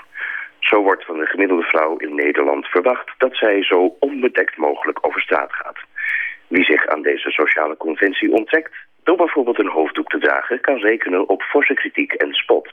Er gaan steeds meer stemmen op om juridische maatregelen te treffen die deze vorm van discriminatie omzetten in wetgeving. Als voorbeeld noemt de commissie de terugkerende discussie over uitsluiting van vrouwen met hoofddoek van functies in de publieke sector. Een kernrapport van het Comité voor de Preventie van Misogynie en Vernederende of Onmenselijke Behandeling van Vrouwen somt een reeks misstanden op ten gevolge van het soepele prostitutiebeleid in Nederland. Vrouwenhandel wordt oogluikend getolereerd, terwijl voorgestelde verboden op prostitutiezones kunnen rekenen op hevige maatschappelijke weerstand. Verder plaatst de commissie vraagtekens bij het Nederlands gezinsbeleid. Van moeders wordt verwacht dat zij zich op de arbeidsmarkt begeven en daarbij hun taken als opvoeder verwaarlozen, met alle gevolgen van dien. Het krijgen van kinderen, een grondrecht van iedere vrouw volgens de conventie van Abu Dhabi, wordt extreem bemoeilijkt door maatschappelijke druk op vrouwen om anticonceptiemiddelen te gebruiken en, wanneer deze falen, abortus te laten plegen. De lakse houding van Nederland ten aanzien van homoseksuelen leidt tot een verarming van de mogelijkheden van vrouwen om een geschikte mannelijke partner te vinden. Al deze sociale conventies en daarop inspelende wetgeving staan het recht van de vrouw kinderen te baren in de weg. De situatie is, samengevat, uiterst verontrustend te noemen. De commissie adviseert de minister van Buitenlandse Zaken dan ook om tijdens het geplande staatsbezoek aan Nederland in maart de genoemde kwesties met de nodige omzichtigheid aan te kaarten bij de Nederlandse minister-president. Ja, nou ja, helder uh, waar je je door hebt uh, laten inspireren vandaag. Dat, uh, helder. Over, over Sochi en het schaatsen en, en onze sportmoraal. Hè? En het, en het, ja, ja. ja. De, de, Russen die heel gezellig met een, met een rapport kwamen over uh, mensenrechten in heel Europa, maar ook in, aan Nederland de nodige aandacht te besteden. Ja, wie de bal kaatst kan hem terugverwachten, zou ik dan in, in zo'n geval dat, zeggen. Dat is wel een beetje de reactie inderdaad. Ja. Dat is ook wel, ja, er is ook wel wat voor te zeggen geloof ik. Het, het werd een beetje gepresenteerd alsof het een soort gewiekte strategie van Rusland was, om dat juist nu naar buiten te brengen. Maar het schijnt dat ze dat elk jaar wel zo'n rapport uitbrengen. En uh, ja, ik vind het, het, het, het, confronteert je op een of andere manier met uh, de visie van de ander, die nou eenmaal niet onze visie is. En ik, ja, ik vond het wel komisch op een of andere manier dat wij nu Nederland de les gaan lezen op het gebied van mensenrechten. Je brengt steeds uh, kwesties ter sprake en dan, dan, dan voel ik een soort uh, neiging of misschien zelfs een soort verplichting om mij daar een mening over te vormen en die dan ook te ventileren. Terwijl het eigenlijk ook soms zo heel lekker is om geen mening te hebben. Terwijl dat dan ook weer buiten alle conventies valt. Om gewoon te zeggen, ja, ik heb er echt totaal geen mening over. Ja, nou, dat ben ik in dit geval ook eigenlijk wel met je eens. Want uh, als ik zo naar deze kwestie keek, ja, je, je kunt ervan zeggen, ja, het is hypocriet van de Russen. Of het is, uh, zo moeten we het nodig zeggen, terwijl ze zulke verschrikkelijke dingen doen. En aan de andere kant heb je weer het standpunt van Nederlanders die zeggen, die, ja, ze hebben ook wel een punt. Je moet eerst naar jezelf kijken en dan, uh, voordat je anderen de les gaat lezen. Maar hierin heb ik zelf een beetje een soort uh, ja, afstandelijke houding. En kijk ik er een beetje naar en denk... Ja, god, dat, dat zijn twee culturen die hier keihard clashen. En dat is wel interessant om te zien. Ik bedoel, het is heel erg wat er gebeurt in Rusland met uh, homoseksuelen en hoe ze... Ja, zie je, daar, daar, ga je, daar gaan we. Ja, daar gaan je, we, daar, daar gaan we dus toch een mening. Gaan we toch een mening formuleren? Ja, ja. Waarom moeten we ons altijd over alles een mening formuleren? Kunnen we niet gewoon eens gewoon als, een, als een voorbijganger zo een deuntje fluiten en zeggen van uh, ik heb geen mening. Dat, dat is al een mening, hè? Geen mening. Ja, misschien moeten we dat maar doen inderdaad. Het is een, vooral omdat die hele discussie over Sochi wordt, begint een beetje de, de, de, de uh, omvangen aan te nemen van de hele Zwarte Piet discussie. Zoals Had ik ook geen mening over, over die hele Zwarte Piet discussie. Ik, ik, ik, heb heel december heb ik gefloten en geprobeerd om niemandalletjes ter sprake te brengen. Omdat dat ik. Nou ja, eigenlijk had ik wel een mening, maar die wilde ik niet hardop zeggen. Maar nu is, nu is die discussie voorbij. Dus kan ik gewoon wel zeggen dat ik dat hele zwarte Piet, dat ik het onzin vind, dat ik er niks mee heb en dat het maar eens afgelopen moet zijn. Dan kan ik nu veilig al, zeggen. Heb je Sinterklaas gevierd? Dit, uh, nee, joh, al, al, al 50 jaar niet, joh. Ik vind het zo'n onzin. De hele Sinterklaas. Olympische Spelen vind ik ook. Nou, heb ik weer een mening. Goed. Ehm, ik vond het heel leuk met je te, te, spreken. Dank voor je verhaal. Um, en, en, morgen heb ik gewoon over alles een mening. Jamal Uriachi, dank je wel. En uh, succes morgen. Dank je wel. Ja, goeiedag Pieter.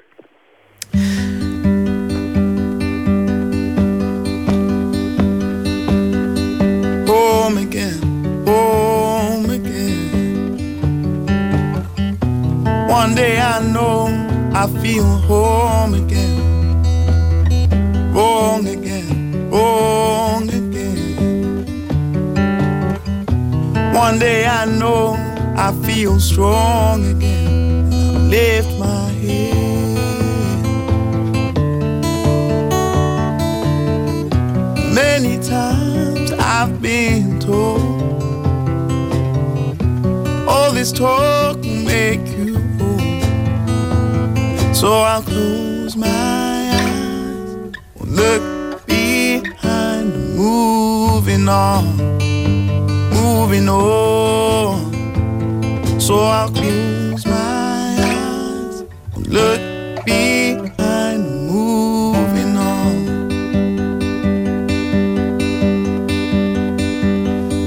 Lost again, lost again. One day I know I'll pass through course again. Smile again, smile again. One day I hope to make you smile again. And I won't hide.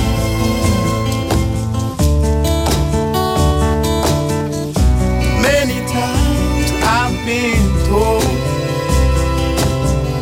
speak your mind, just bold. So I'll close my eyes, will look behind, moving on moving on.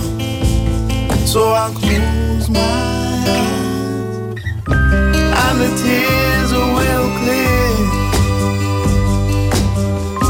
Then I feel no fear. Then I feel no way. My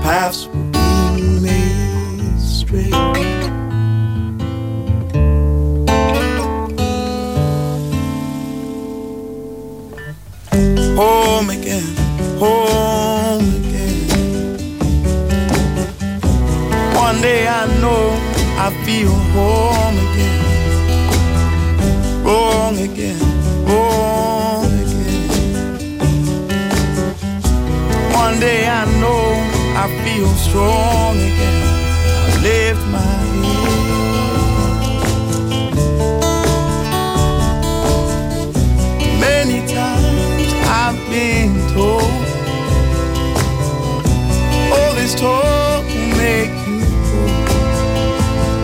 So close look moving on, moving on. So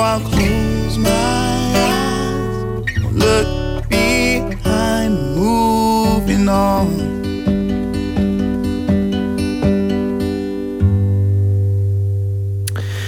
Ineens was hij er.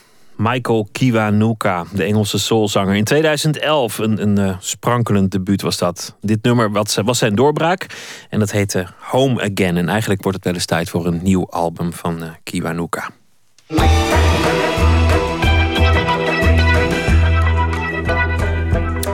U luistert naar Radio 1, de VPRO, het programma Nooit meer slapen. Radiojournalist Okke Ornstein reisde kort voor de kerst naar Syrië mee met een hulpgoederentransport om verslag te doen van de eerste humanitaire vlucht vanuit Nederland voor het programma Holland Doc Radio. Hij volgt uh, organisaties, Help Syrië de winter door, daar in het door oorlog verscheurde land. En hij helpt, uh, of dan hij verslaat hoe ze daar voedselpakketten distribueren.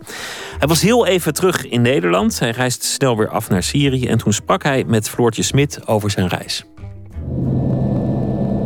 Uh, nou, het, is een, het ziet eruit als een uitgewoonde staakcaravan. Ik kan het echt met niks anders vergelijken. Terwijl u bezig was met kerstversiering en recepten zocht voor de kerstmaaltijd, zat Okke Ornstein urenlang in een Russisch vrachtvliegtuig. Op weg naar Syrië. En het maakt heel veel lawaai. En ze roken, uh, het, de hele bemanning zat voortdurend te roken. En er gelden absoluut geen regels. En iedereen doet maar. En dan op een gegeven moment dan kom je waar je wezen moet. In Syrië volgde hij voor Holland Doc Radio de hulpactie Help Syrië de winter door. Ik wilde heel graag iets maken over Syrië. En, um, dus ik was voor de radio. En ik was op zoek naar uh, Nederlandse vrijwilligers. Of, of ja, dat kon eigenlijk van alles zijn. Of het nou vrachtwagenchauffeurs waren of, of dokters of wat dan ook. Die daar iets gingen doen. Of, niet, of in Syrië zelf of in de landen eromheen... waar er die enorme hoeveelheid vluchtelingen nu zit. En... Um, omdat ik vond dat het een, uh, het is een van de grootste humanitaire crisis sinds de Tweede Wereldoorlog. En het krijgt niet de aandacht in Nederland die het verdient.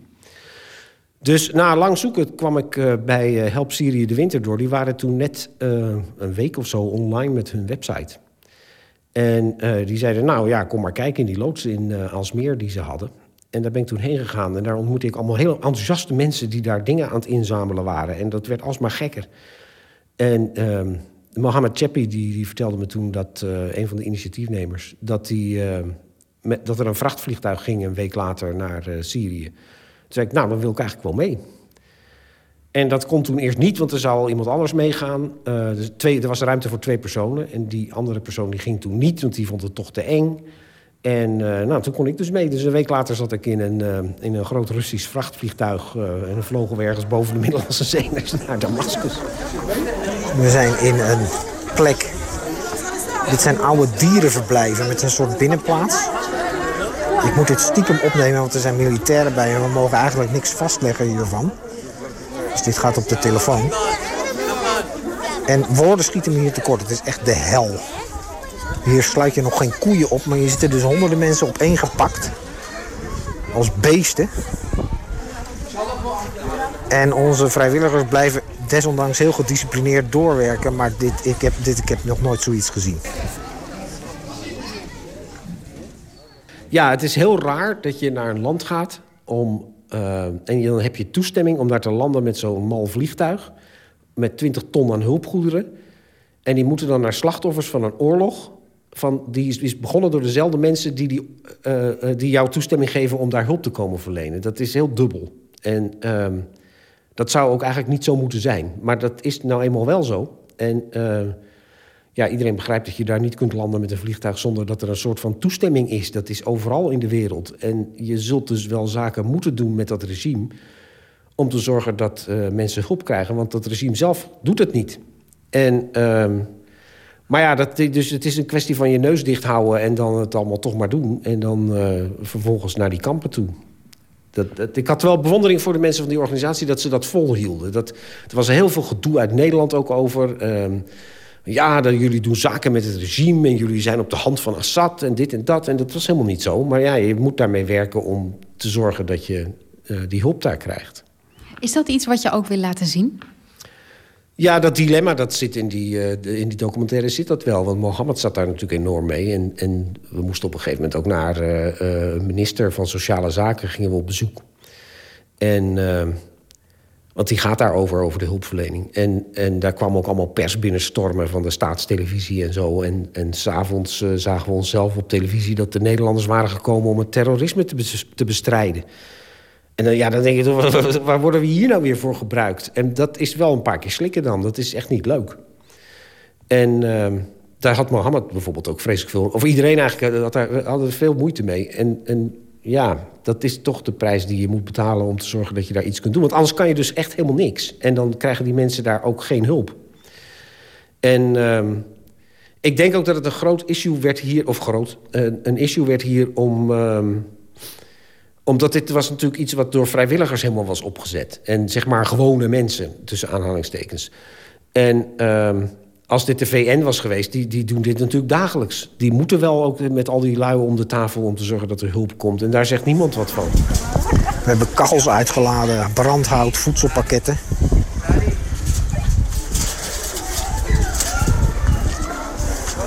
Daarnet klonk in de, nou hiernaast eigenlijk, mitrailleurvuur. Er was kennelijk iets aan de hand. Nu weer. En niemand kijkt er meer van op. Dat is misschien nog wel het ergste. Is het heel moeilijk om uiteindelijk een selectie te maken in je montage uit al die verhalen die je er misschien toch allemaal in wilt hebben? Ehm,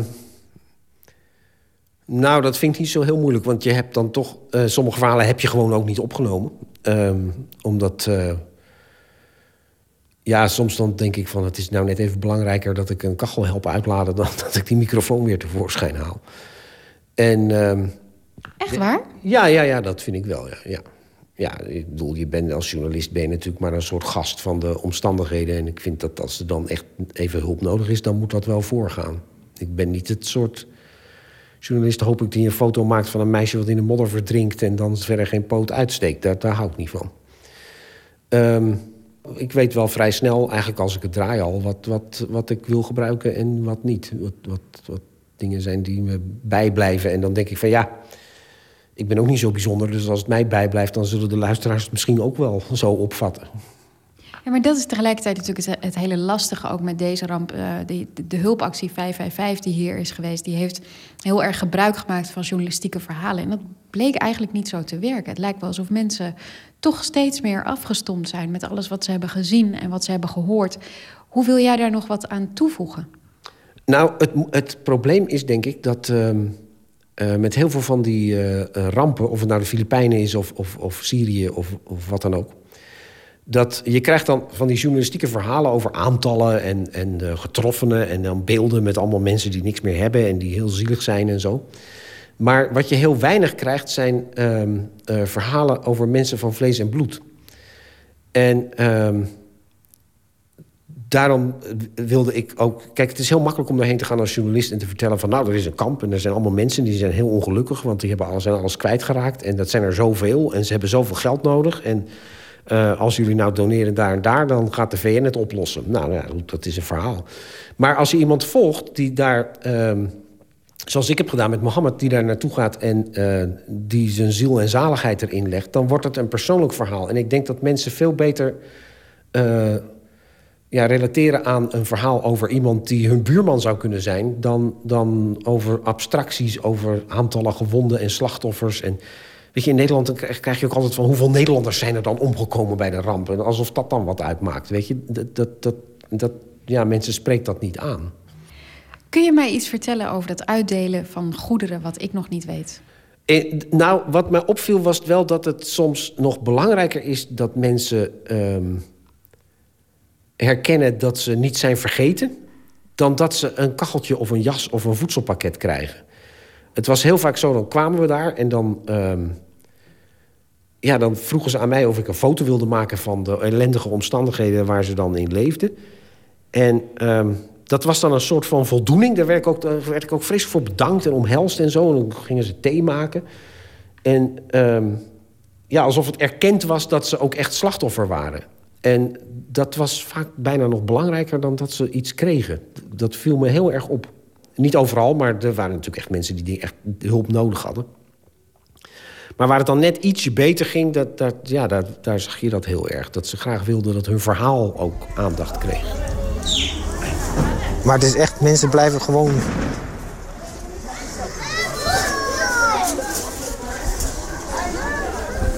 doorwerken. En op de een of andere manier kan ik wel... begrijp ik nu eigenlijk pas voor het eerst waarom dit zo verslavend is.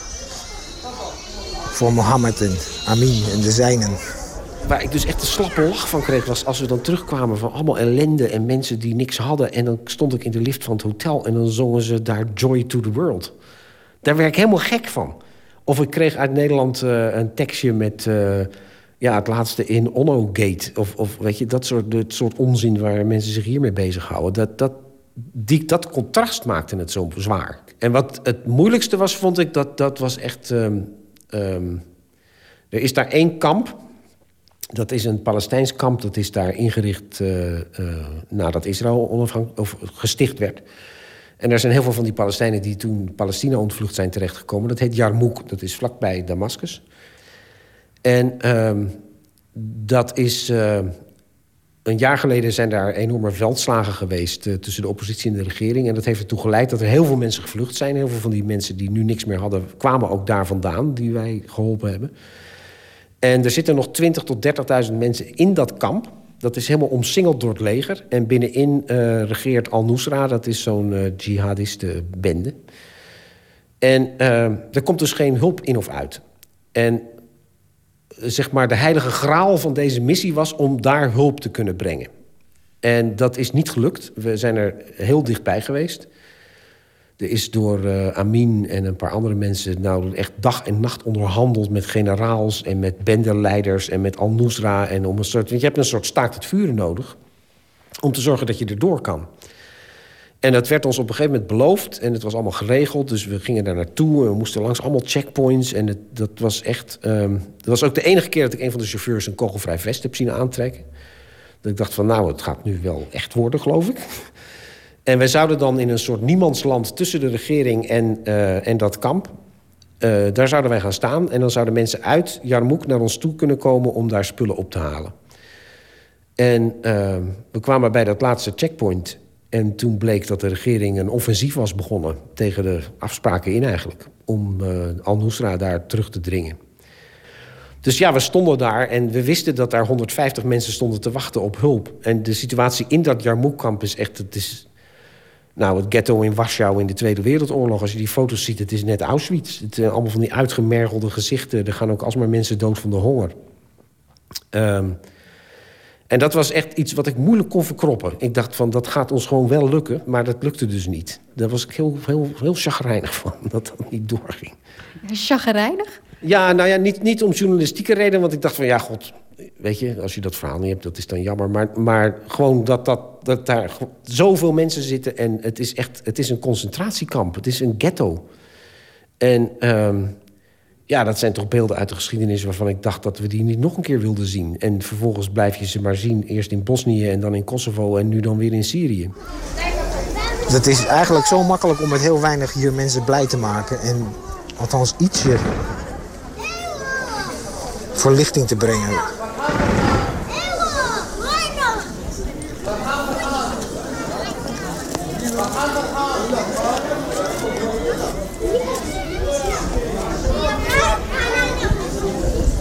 Het is me in al die tijd hier nog nooit te veel geworden, maar nu toch bijna wel. Het is onbeschrijfelijk om dit te zien. Ah, je wordt er boos van. Wat, wat doe jij met die, met die woede dan? Ehm, nou, daar doe ik eigenlijk twee dingen mee. Die, die, die bewaar ik. En ik zoek naar een manier om dat verhaal zo effectief mogelijk te vertellen. Ehm, omdat ik geloof niet in een soort ehm, eh, journalistiek waarbij je zeg maar een soort objectieve waarnemer bent en je er staat erbij en je kijkt ernaar. Daar, daar, daar, geloof ik helemaal niks van. Ik geloof niet dat dat bestaat en ik vertrouw mensen ook niet die zeggen dat ze dat soort journalistiek bedrijven. Ehm, dus als je een verhaal vertelt, dan wil je daar iets mee. En in dit geval zou het mooi zijn als je een verhaal kunt vertellen wat eh, althans een klein beetje ertoe bijdraagt dat, dat, eh, dat die situatie daar verandert. Al is het alleen maar voor dat kamp en dan is het alleen maar dat er één keer een transport doorheen kan. Dat zou wel, ja, als dat gebeurt door iets wat ik doe of een collega doet, dan vind ik dat te prijzen. En ehm, dat, dat zou ik dan ook wel proberen, ja. Is er te weinig van dat soort betrokken journalistiek? Ja, veel te weinig. Het is allemaal. Een heleboel is niet betrokken journalistiek. Of het, of het, of het, of het blijft hangen in clichés. Dat, dat heb je ook heel veel. Ik las laatst, eh, wat was het nou? Ik geloof in de Vrij Nederland een interview met een of andere oorlogscorrespondent. Ik geloof van het journaal of van eh, nou, ja, een van de omroepen. En daar zag ik god beter de quote voorbij komen. Ja, je kunt niet scherp stellen met tranen in je ogen. Dat is van een fotograaf van heel lang geleden. En dan denk ik van ja, als dat soort clichés, dat is dan om de betrokkenheid bij je werk te, uit te leggen of zo? Of, of, of, of waar, waar slaat dit op? Je gaat als. Ieder, ieder weldenkend mens is tegen oorlog, dus waarom journalisten niet? En um, je gaat niet naar een oorlog omdat het een soort pretpark is. Je gaat erheen omdat het, je wil beschrijven wat er gebeurt. Uh, hoe dat, in mijn geval dan, hoe dat normale mensen, uh, het leven van allerlei normale mensen volkomen ontregelt. En, en om te laten zien dat het moet stoppen. Dat is waar het om gaat. Het moet niet doorgaan, het moet ophouden. En dat, ik begrijp niet hoe een journalist daar anders over kan denken, eerlijk gezegd. Al dus Okke Ornstein in gesprek met Floortje Smit. En de radiodocumentaire Vlucht naar Syrië... die is aanstaande zondag om 9 uur op Radio 1 te horen... in het programma Holland Doc. We gaan uh, luisteren naar muziek. En het nummer dat we gaan luisteren heet Riptide van Vance Joy. En dat is een singer-songwriter uit Australië. Die bracht eind vorig jaar een EP uit met de titel God Loves You When You're Dancing.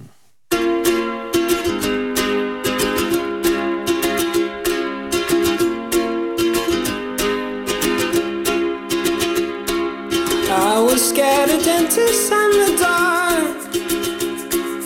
I was scared of pretty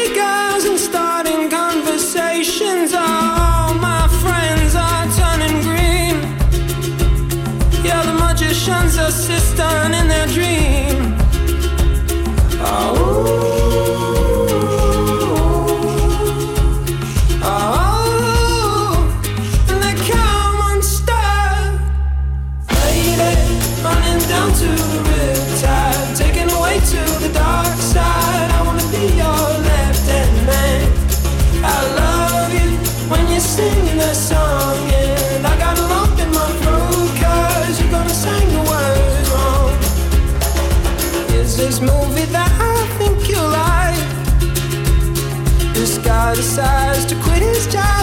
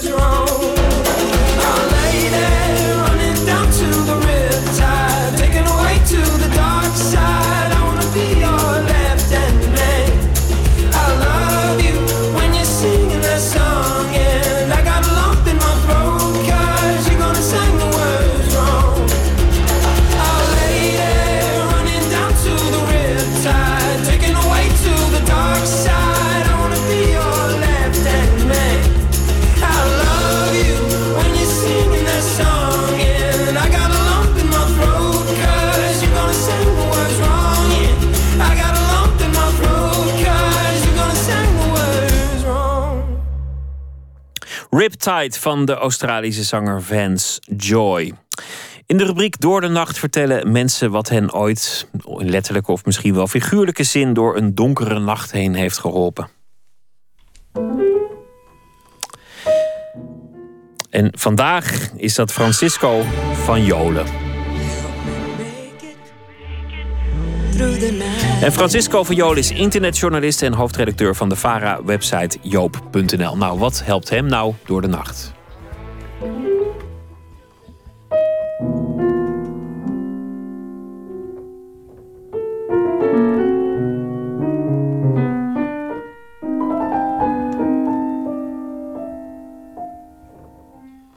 Ja, dit is hele cryptische muziek van Arnold Schoenberg uit, uh, 1911. Niet te geloven. Het is heel modern, maar het is voor mij heel belangrijk geweest. Uh, en nog steeds. Want um, uh, ik ontdekte toen ik puber was. Ik was 15. Ja, en op je 15e stel je jezelf allemaal vragen. Wie ben je? wat is mijn rol in, in, het leven? Wat doe ik op deze wereld? hoe zit ik in elkaar? En toen ik deze muziek ontdekte, zag ik een muziek die ik helemaal niet begreep. En die me wel aansprak. Want het is niet bepaald vrolijke muziek. Het is eigenlijk best wel somber. En ik hoorde klanken die me die uh, leken te corresponderen met mijn gevoel uh, van, van vertwijfeling. Bijvoorbeeld dit soort klanken. Zijn hele, hele, hele donkere, on, on, onheilspellende klanken. Die voor mij ook vertwijfeling weergeven. Uh, ik hoorde ook die stiltes. Hè. Je hebt steeds, de muziek begint en die stopt weer. Begint, stopt weer. Alsof iemand aan het snikken is.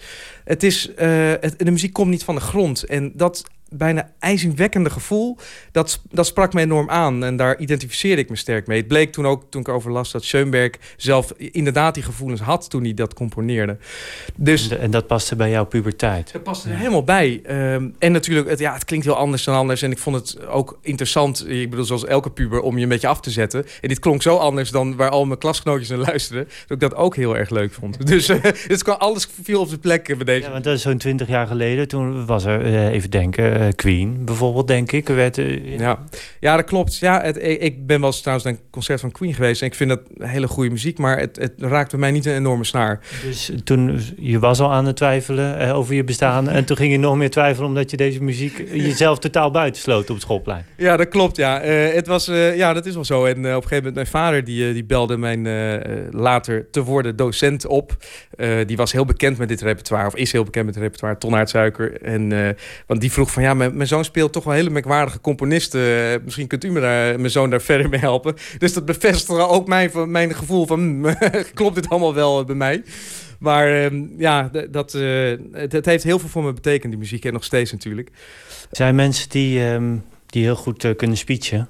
En die vertellen dan een verhaal op de begrafenis van een geliefde. Of van, van een vader of moeder. Ben je iemand die, die dan piano gaat spelen?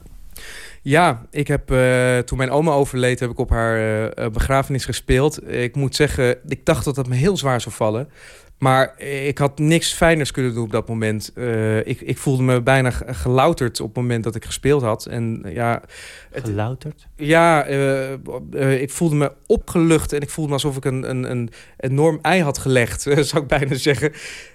En je, ja, het, het, niks mooiers is dan muziek. Er is niks mooiers als muziek maken. Want je, communiceert, toch op een niveau uh, die inderdaad niet onder woorden te brengen is.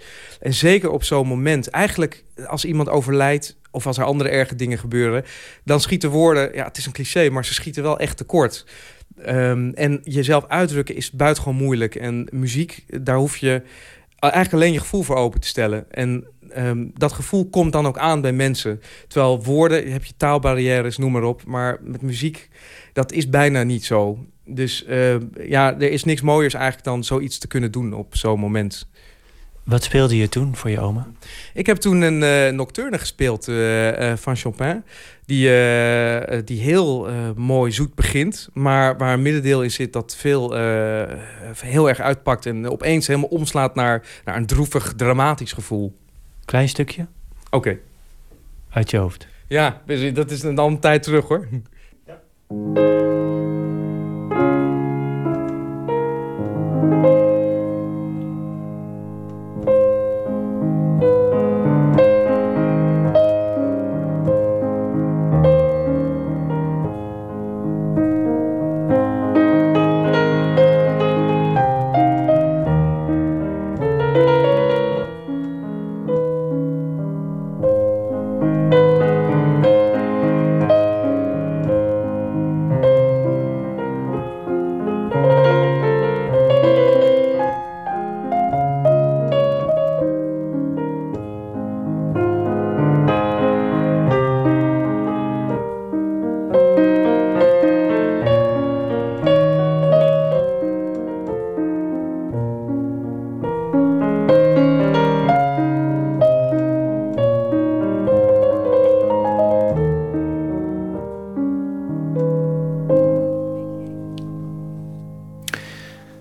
U hoorde niet Francisco van Jolen die, eh, die zichzelf door de nacht heen uh, hielp. U hoorde uh, nogmaals het gesprek met Ralf van Raad. dingen zijn hier een beetje de soep ingedraaid. Om, om het maar iets wat eufemistisch uit te drukken. Nou ja, dat, dat noem je dan menselijk. Hè? Als iets tekort schiet, noem je het menselijk. En anders noem je het, noem je het natuurlijk. Dan gaat het gewoon goed. Het ging natuurlijk niet goed. Menselijk was het. Zullen we het goed maken met, met wat soulmuziek? Als het goed te maken is. Why Can't There Be Love is gezongen door Dee Edwards. Ooit gebruikt in een Adidas commercial. Over, uh, over mode en commercie gesproken. Het heeft het nummer niet kapot gemaakt. Het 1971. Why Can't There Be Love?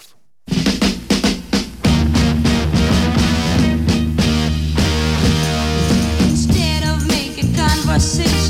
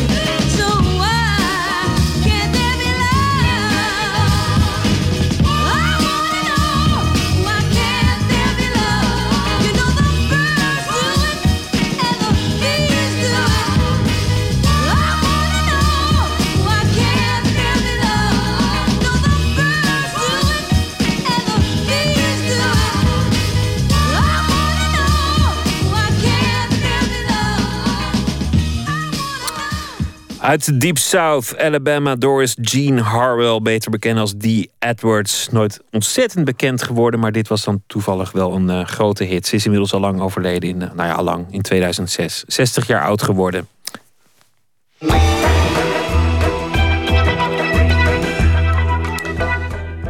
Nooit meer slapen, de VPRO. De schrijver Frans Tomezen is met gitarist-componist Corrie van Binsbergen en pianist Albert van Veenendaal en elf strijkers van het VU-orkest op tournee met een literair concert rond Schaduwkind.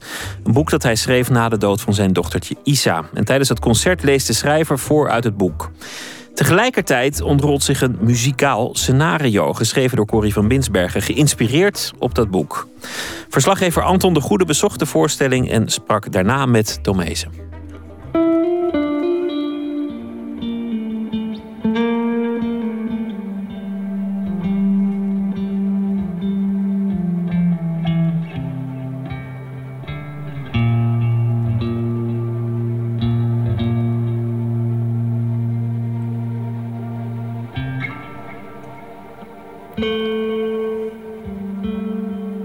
Die haar man begraaft, wordt weduwe genoemd.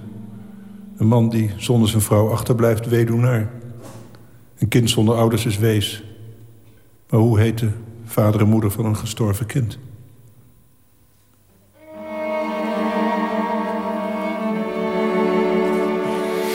Frans Tomezen, even ter introductie van jou. Je schreef zo'n twintig boeken, waaronder hits... zoals J. Kessels, de novel...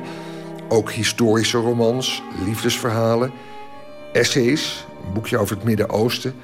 ook een boek over het politiek bedrijf... en Schaduwkind. Schaduwkind neemt natuurlijk in dat hele oeuvre... een uitzonderlijke plaats in. Zou je willen zeggen wat voor een boekje dit is? Ja, het is een boek, uh, ja, als ik het in één zin zou willen zeggen, over, over een begin. Het, is, het, het, is, het heeft te maken met de dood van mijn uh, eerste kind, mijn dochtertje. En uh, dat, dat, ja, dat overkwam mij ja, zo'n 12, 13 jaar geleden. En toen, ja, toen was eigenlijk voor mijn gevoel alles voorbij. Ook mijn literaire werk. Ik had heb ik helemaal geen zicht meer op wat ik aan het doen was. wat dat voor betekenis kon, kon hebben. En toen heb ik eigenlijk als schrijvende dat allemaal uitgevonden. Dus het boek dus wordt, wordt wel gezien als een requiem over een overleden kind. Maar ik zie het zelf veel eerder als het uh, hervonden begin. En het, uh, en het steeds opnieuw beginnen. En dat had er ook mee te maken, denk ik, dat mijn dochtertje heel jong was. Dus ook zelf pas geboren was. Dus dat, dat het is in die zin in alle opzichten een, een begin wat daar gemarkeerd wordt.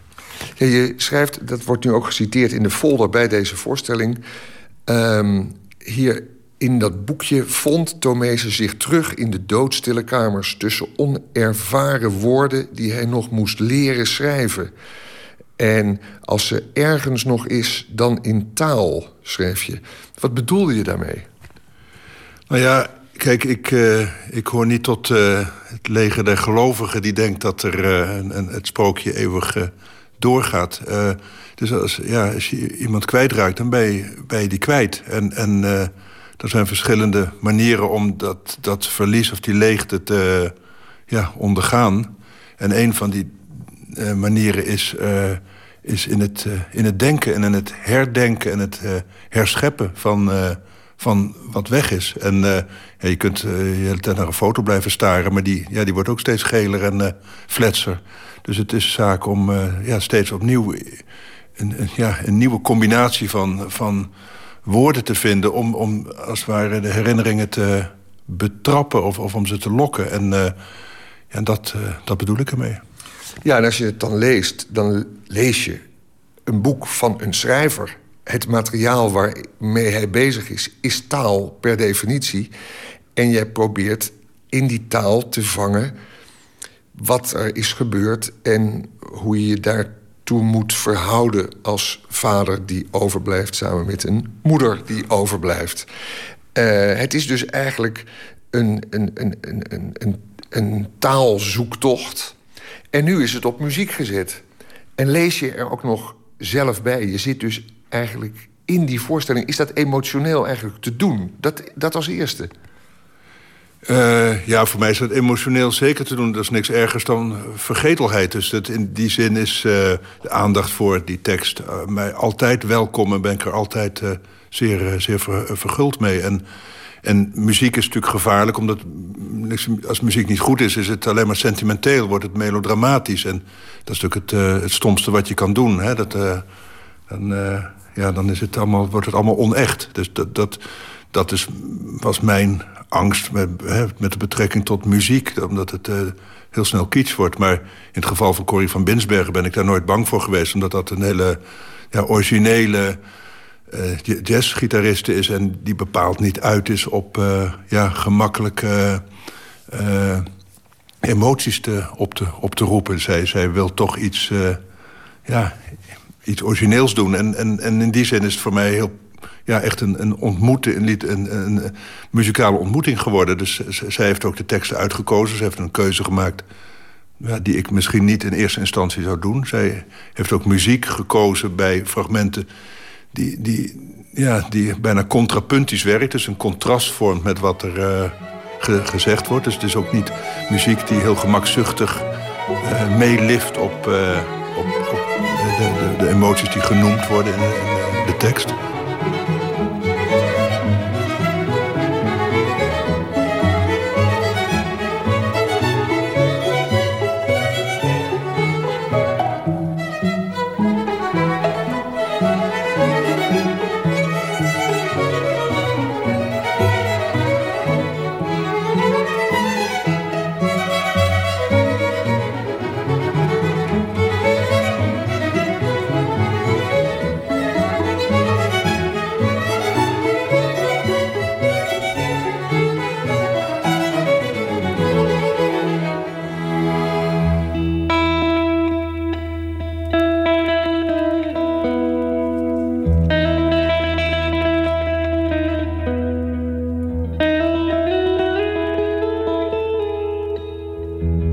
Is het emotioneel te doen voor jou persoonlijk? Of, of, of zijn er momenten dat je denkt... oeh, ik moet me nu vasthouden, want anders dan eh, slaat het weer toe.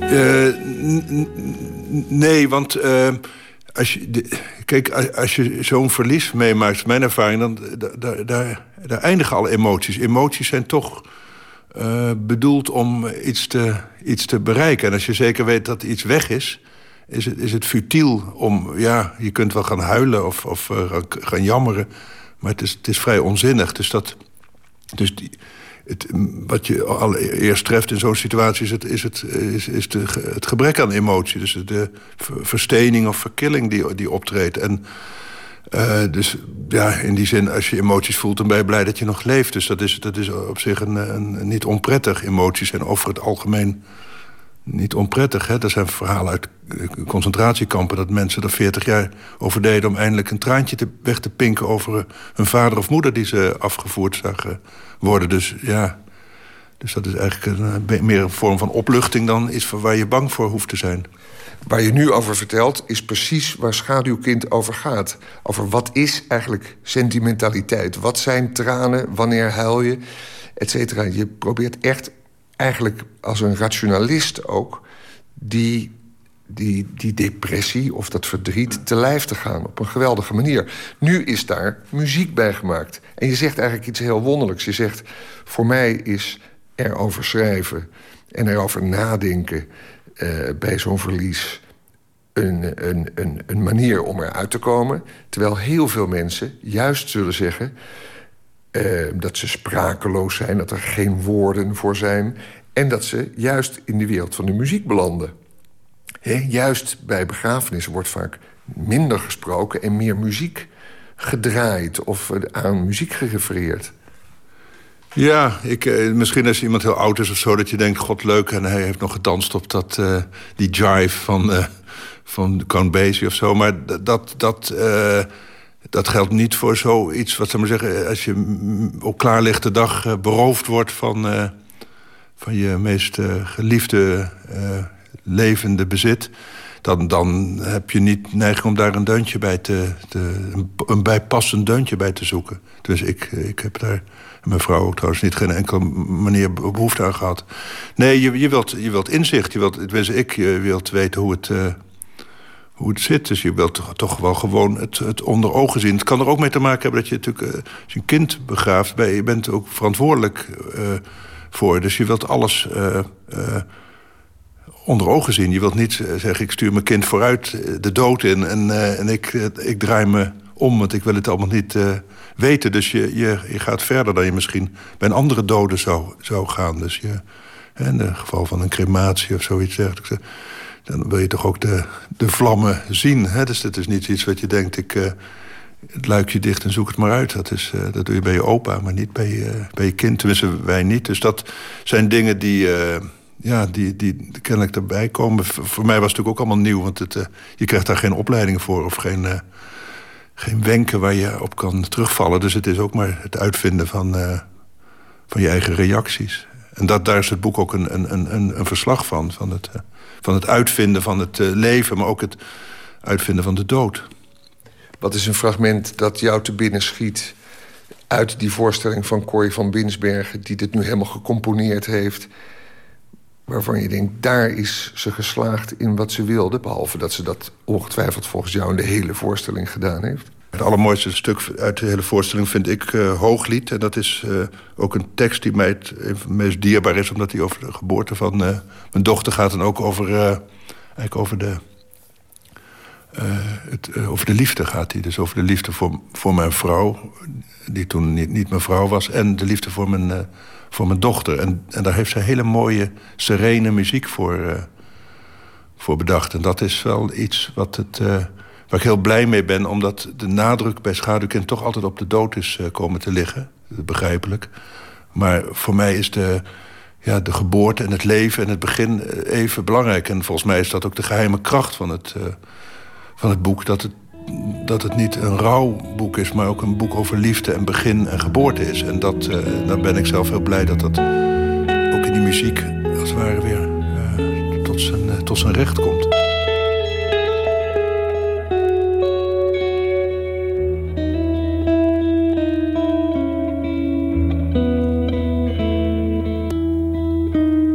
Verliefdheid is een staat die aan de identiteit voorafgaat. Net zoals men voor zichzelf geen naam hoeft te dragen. Men weet wie men zelf is. Zo heeft de liefste ook geen naam nodig. Een naam zou haar onnodig inperken. Ze is gewoon te veel voor één enkele naam. Het verlangen proeft liever kooswoordjes. Probeersels van klank. Die meteen vervangen worden als ze niet meer toereikend zijn. Niets ligt vast, alles is mogelijk. Je even niet gekeken hebt, ziet ze er alweer anders uit. Een verliefd heeft zoveel tegelijk te onthouden. Dat lukt nooit. Steeds weer kijken, weer aanraken. Als een blinde het gezicht lezen met je vingertoppen. Bang dat je ook maar iets mist, iets overslaat, iets vergeet. De eerste nacht, zij tussen ons in. Volle maanslicht door het zolderraam. De kussens, de lakens, het behang. Alles blauw en zilver. Net als toen, de eerste nacht dat je bij me bleef en ik mijn geluk niet kon begrijpen. Ook toen volle maan. Oeroud toverlicht dat al vele verdwaalde schepen op zee heeft gered. En nu liggen we hier, met dit verbazingwekkende hummeltje tussen ons in. Van tevoren hadden we het huis opgeruimd, schoongemaakt, anders ingedeeld, dingen gekocht. Als de geliefde komt, moet men voorbereid zijn. Maar nu ze hier ligt, in haar eerste maanlicht, haar eerste bed, haar eerste wereld, telt niets meer. Alle zorgvuldig opgebouwde betekenissen storten in één klap in. Als torentjes van Babel op een overwerkt bureau. Het laatste woord zal altijd het eerste woord zijn. Een deel uit de voorstelling Schaduwkind. Frans Tomezen die met gitarist-componist Corrie van Binsbergen... en pianist Albert van Veenendaal en het VU-orkest op tournee is. Nog te horen in Utrecht in januari en in Amstelveen. I've got dreams, dreams to remember. I've got dreams, dreams to remember.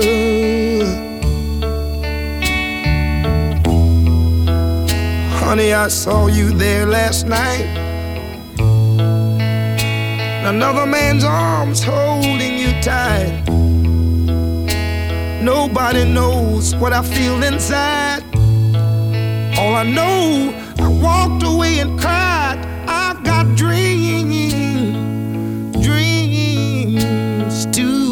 Remember. Listen to me. I've got dreams, rough dreams, dreams to remember.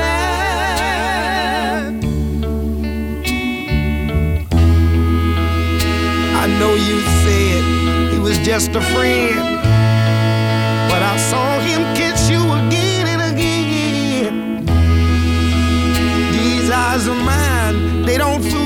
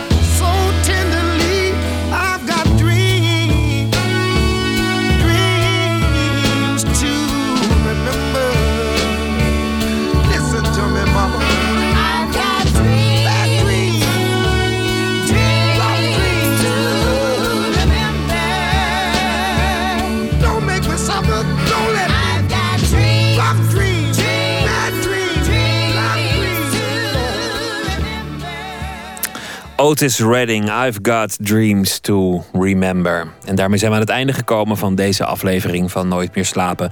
Morgen na middernacht zijn we er weer met dichter Alfred Schaffer. Hij woont al 15 jaar in Zuid-Afrika en hij heeft een nieuwe bundel uitgebracht. Mens, dier, ding, zijn eerste sinds Kooi uit 2008. En u hoort morgen ook weer Ralf van Raat, de pianist, beeldend kunstenaar Anouk Griffioen en AHJ Duitsenbe- Doutsenberg, de schrijver. Ik wens u gedenkwaardige dromen, een hele goede nacht.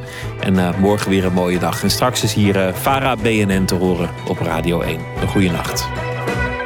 Op Radio 1, het nieuws van alle kanten.